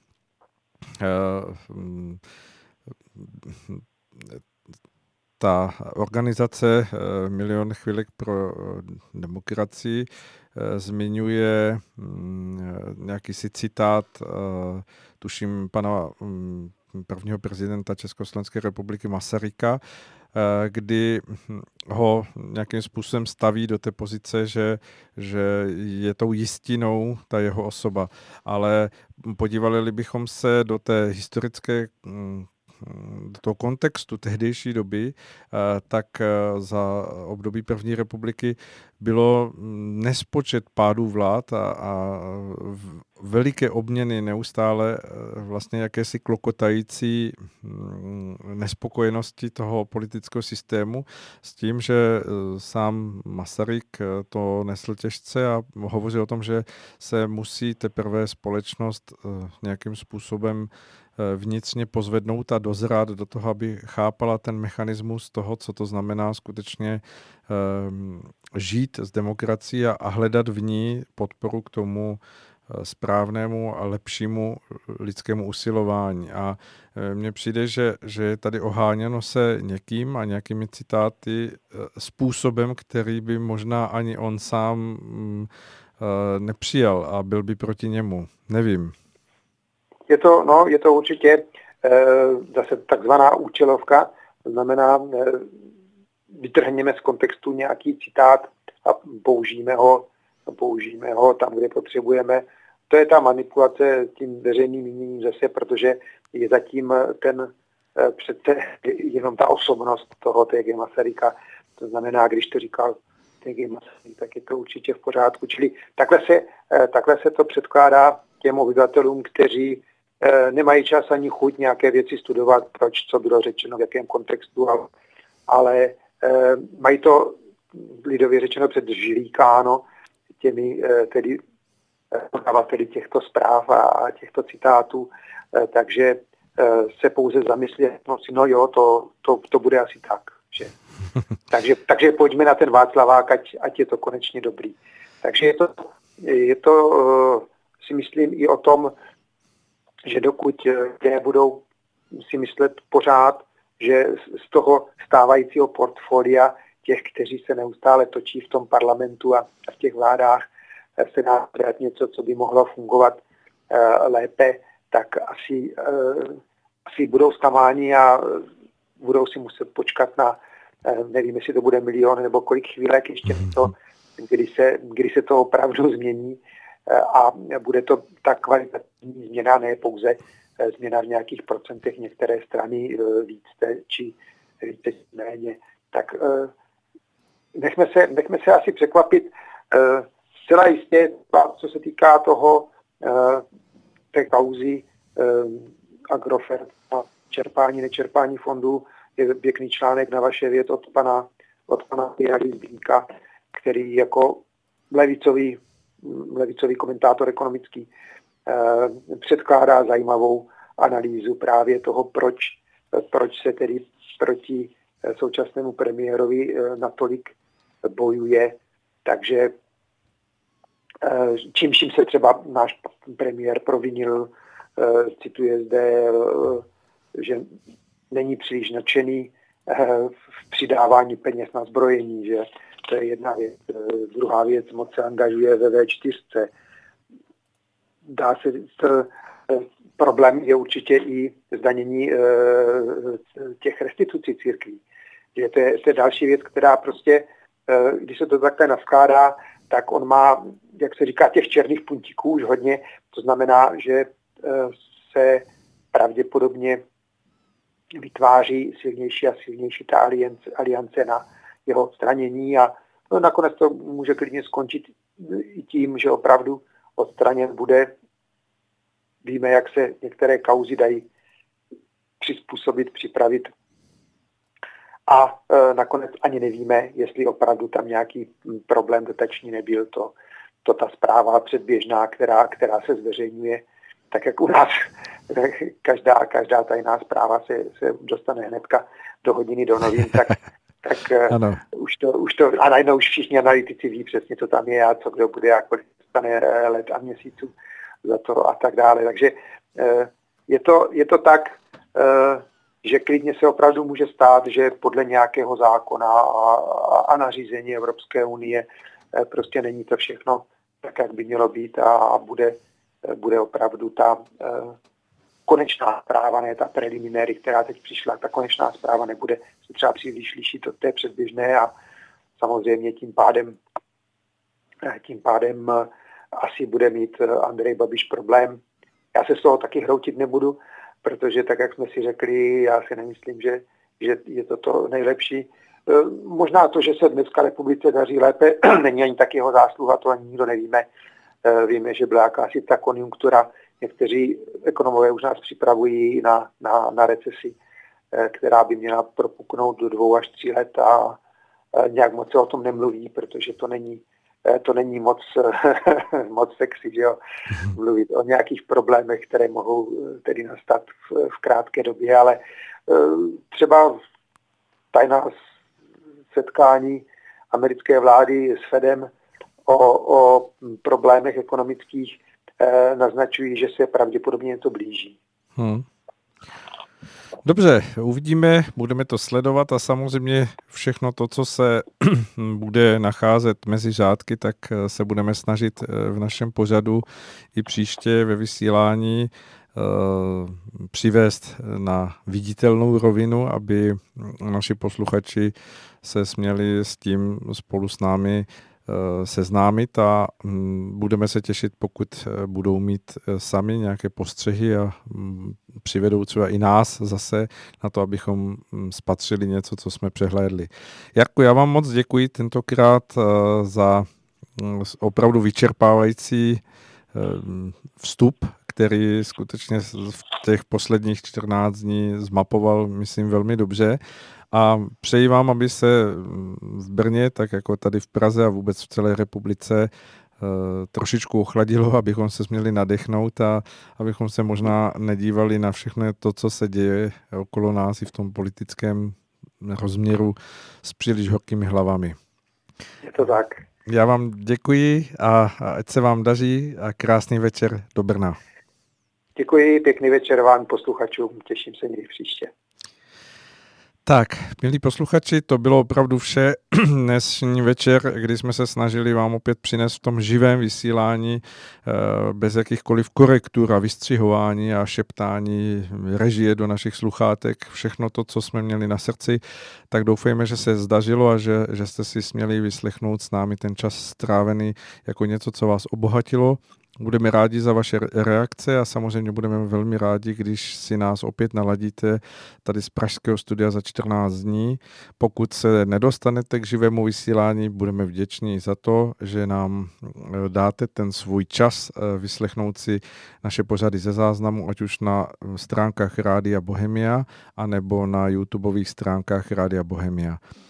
Pokud oceníte naši snahu i tím, že nám pošlete možná nějaký malý příspěvek, mm, který bude podporou našeho dalšího vysílání, budeme vám velmi vděční. A teď už vám přeji krásný večer, krásnou dobrou noc a naslyšenou. Anděli noční, sladké zapomnění, mou radost počni, nad níž není. Mou radost počni, nad níž není.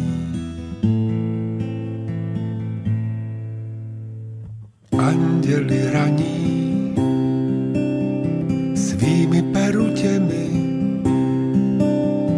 jak horkou dlaní přikryj zemi, jak horkou dlaní přikryj zemi.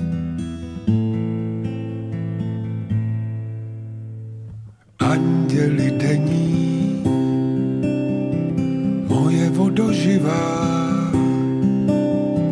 to, co vidět není, ukaž, kde se skrývá. To, co vidět není, ukaž, kde se skrývá.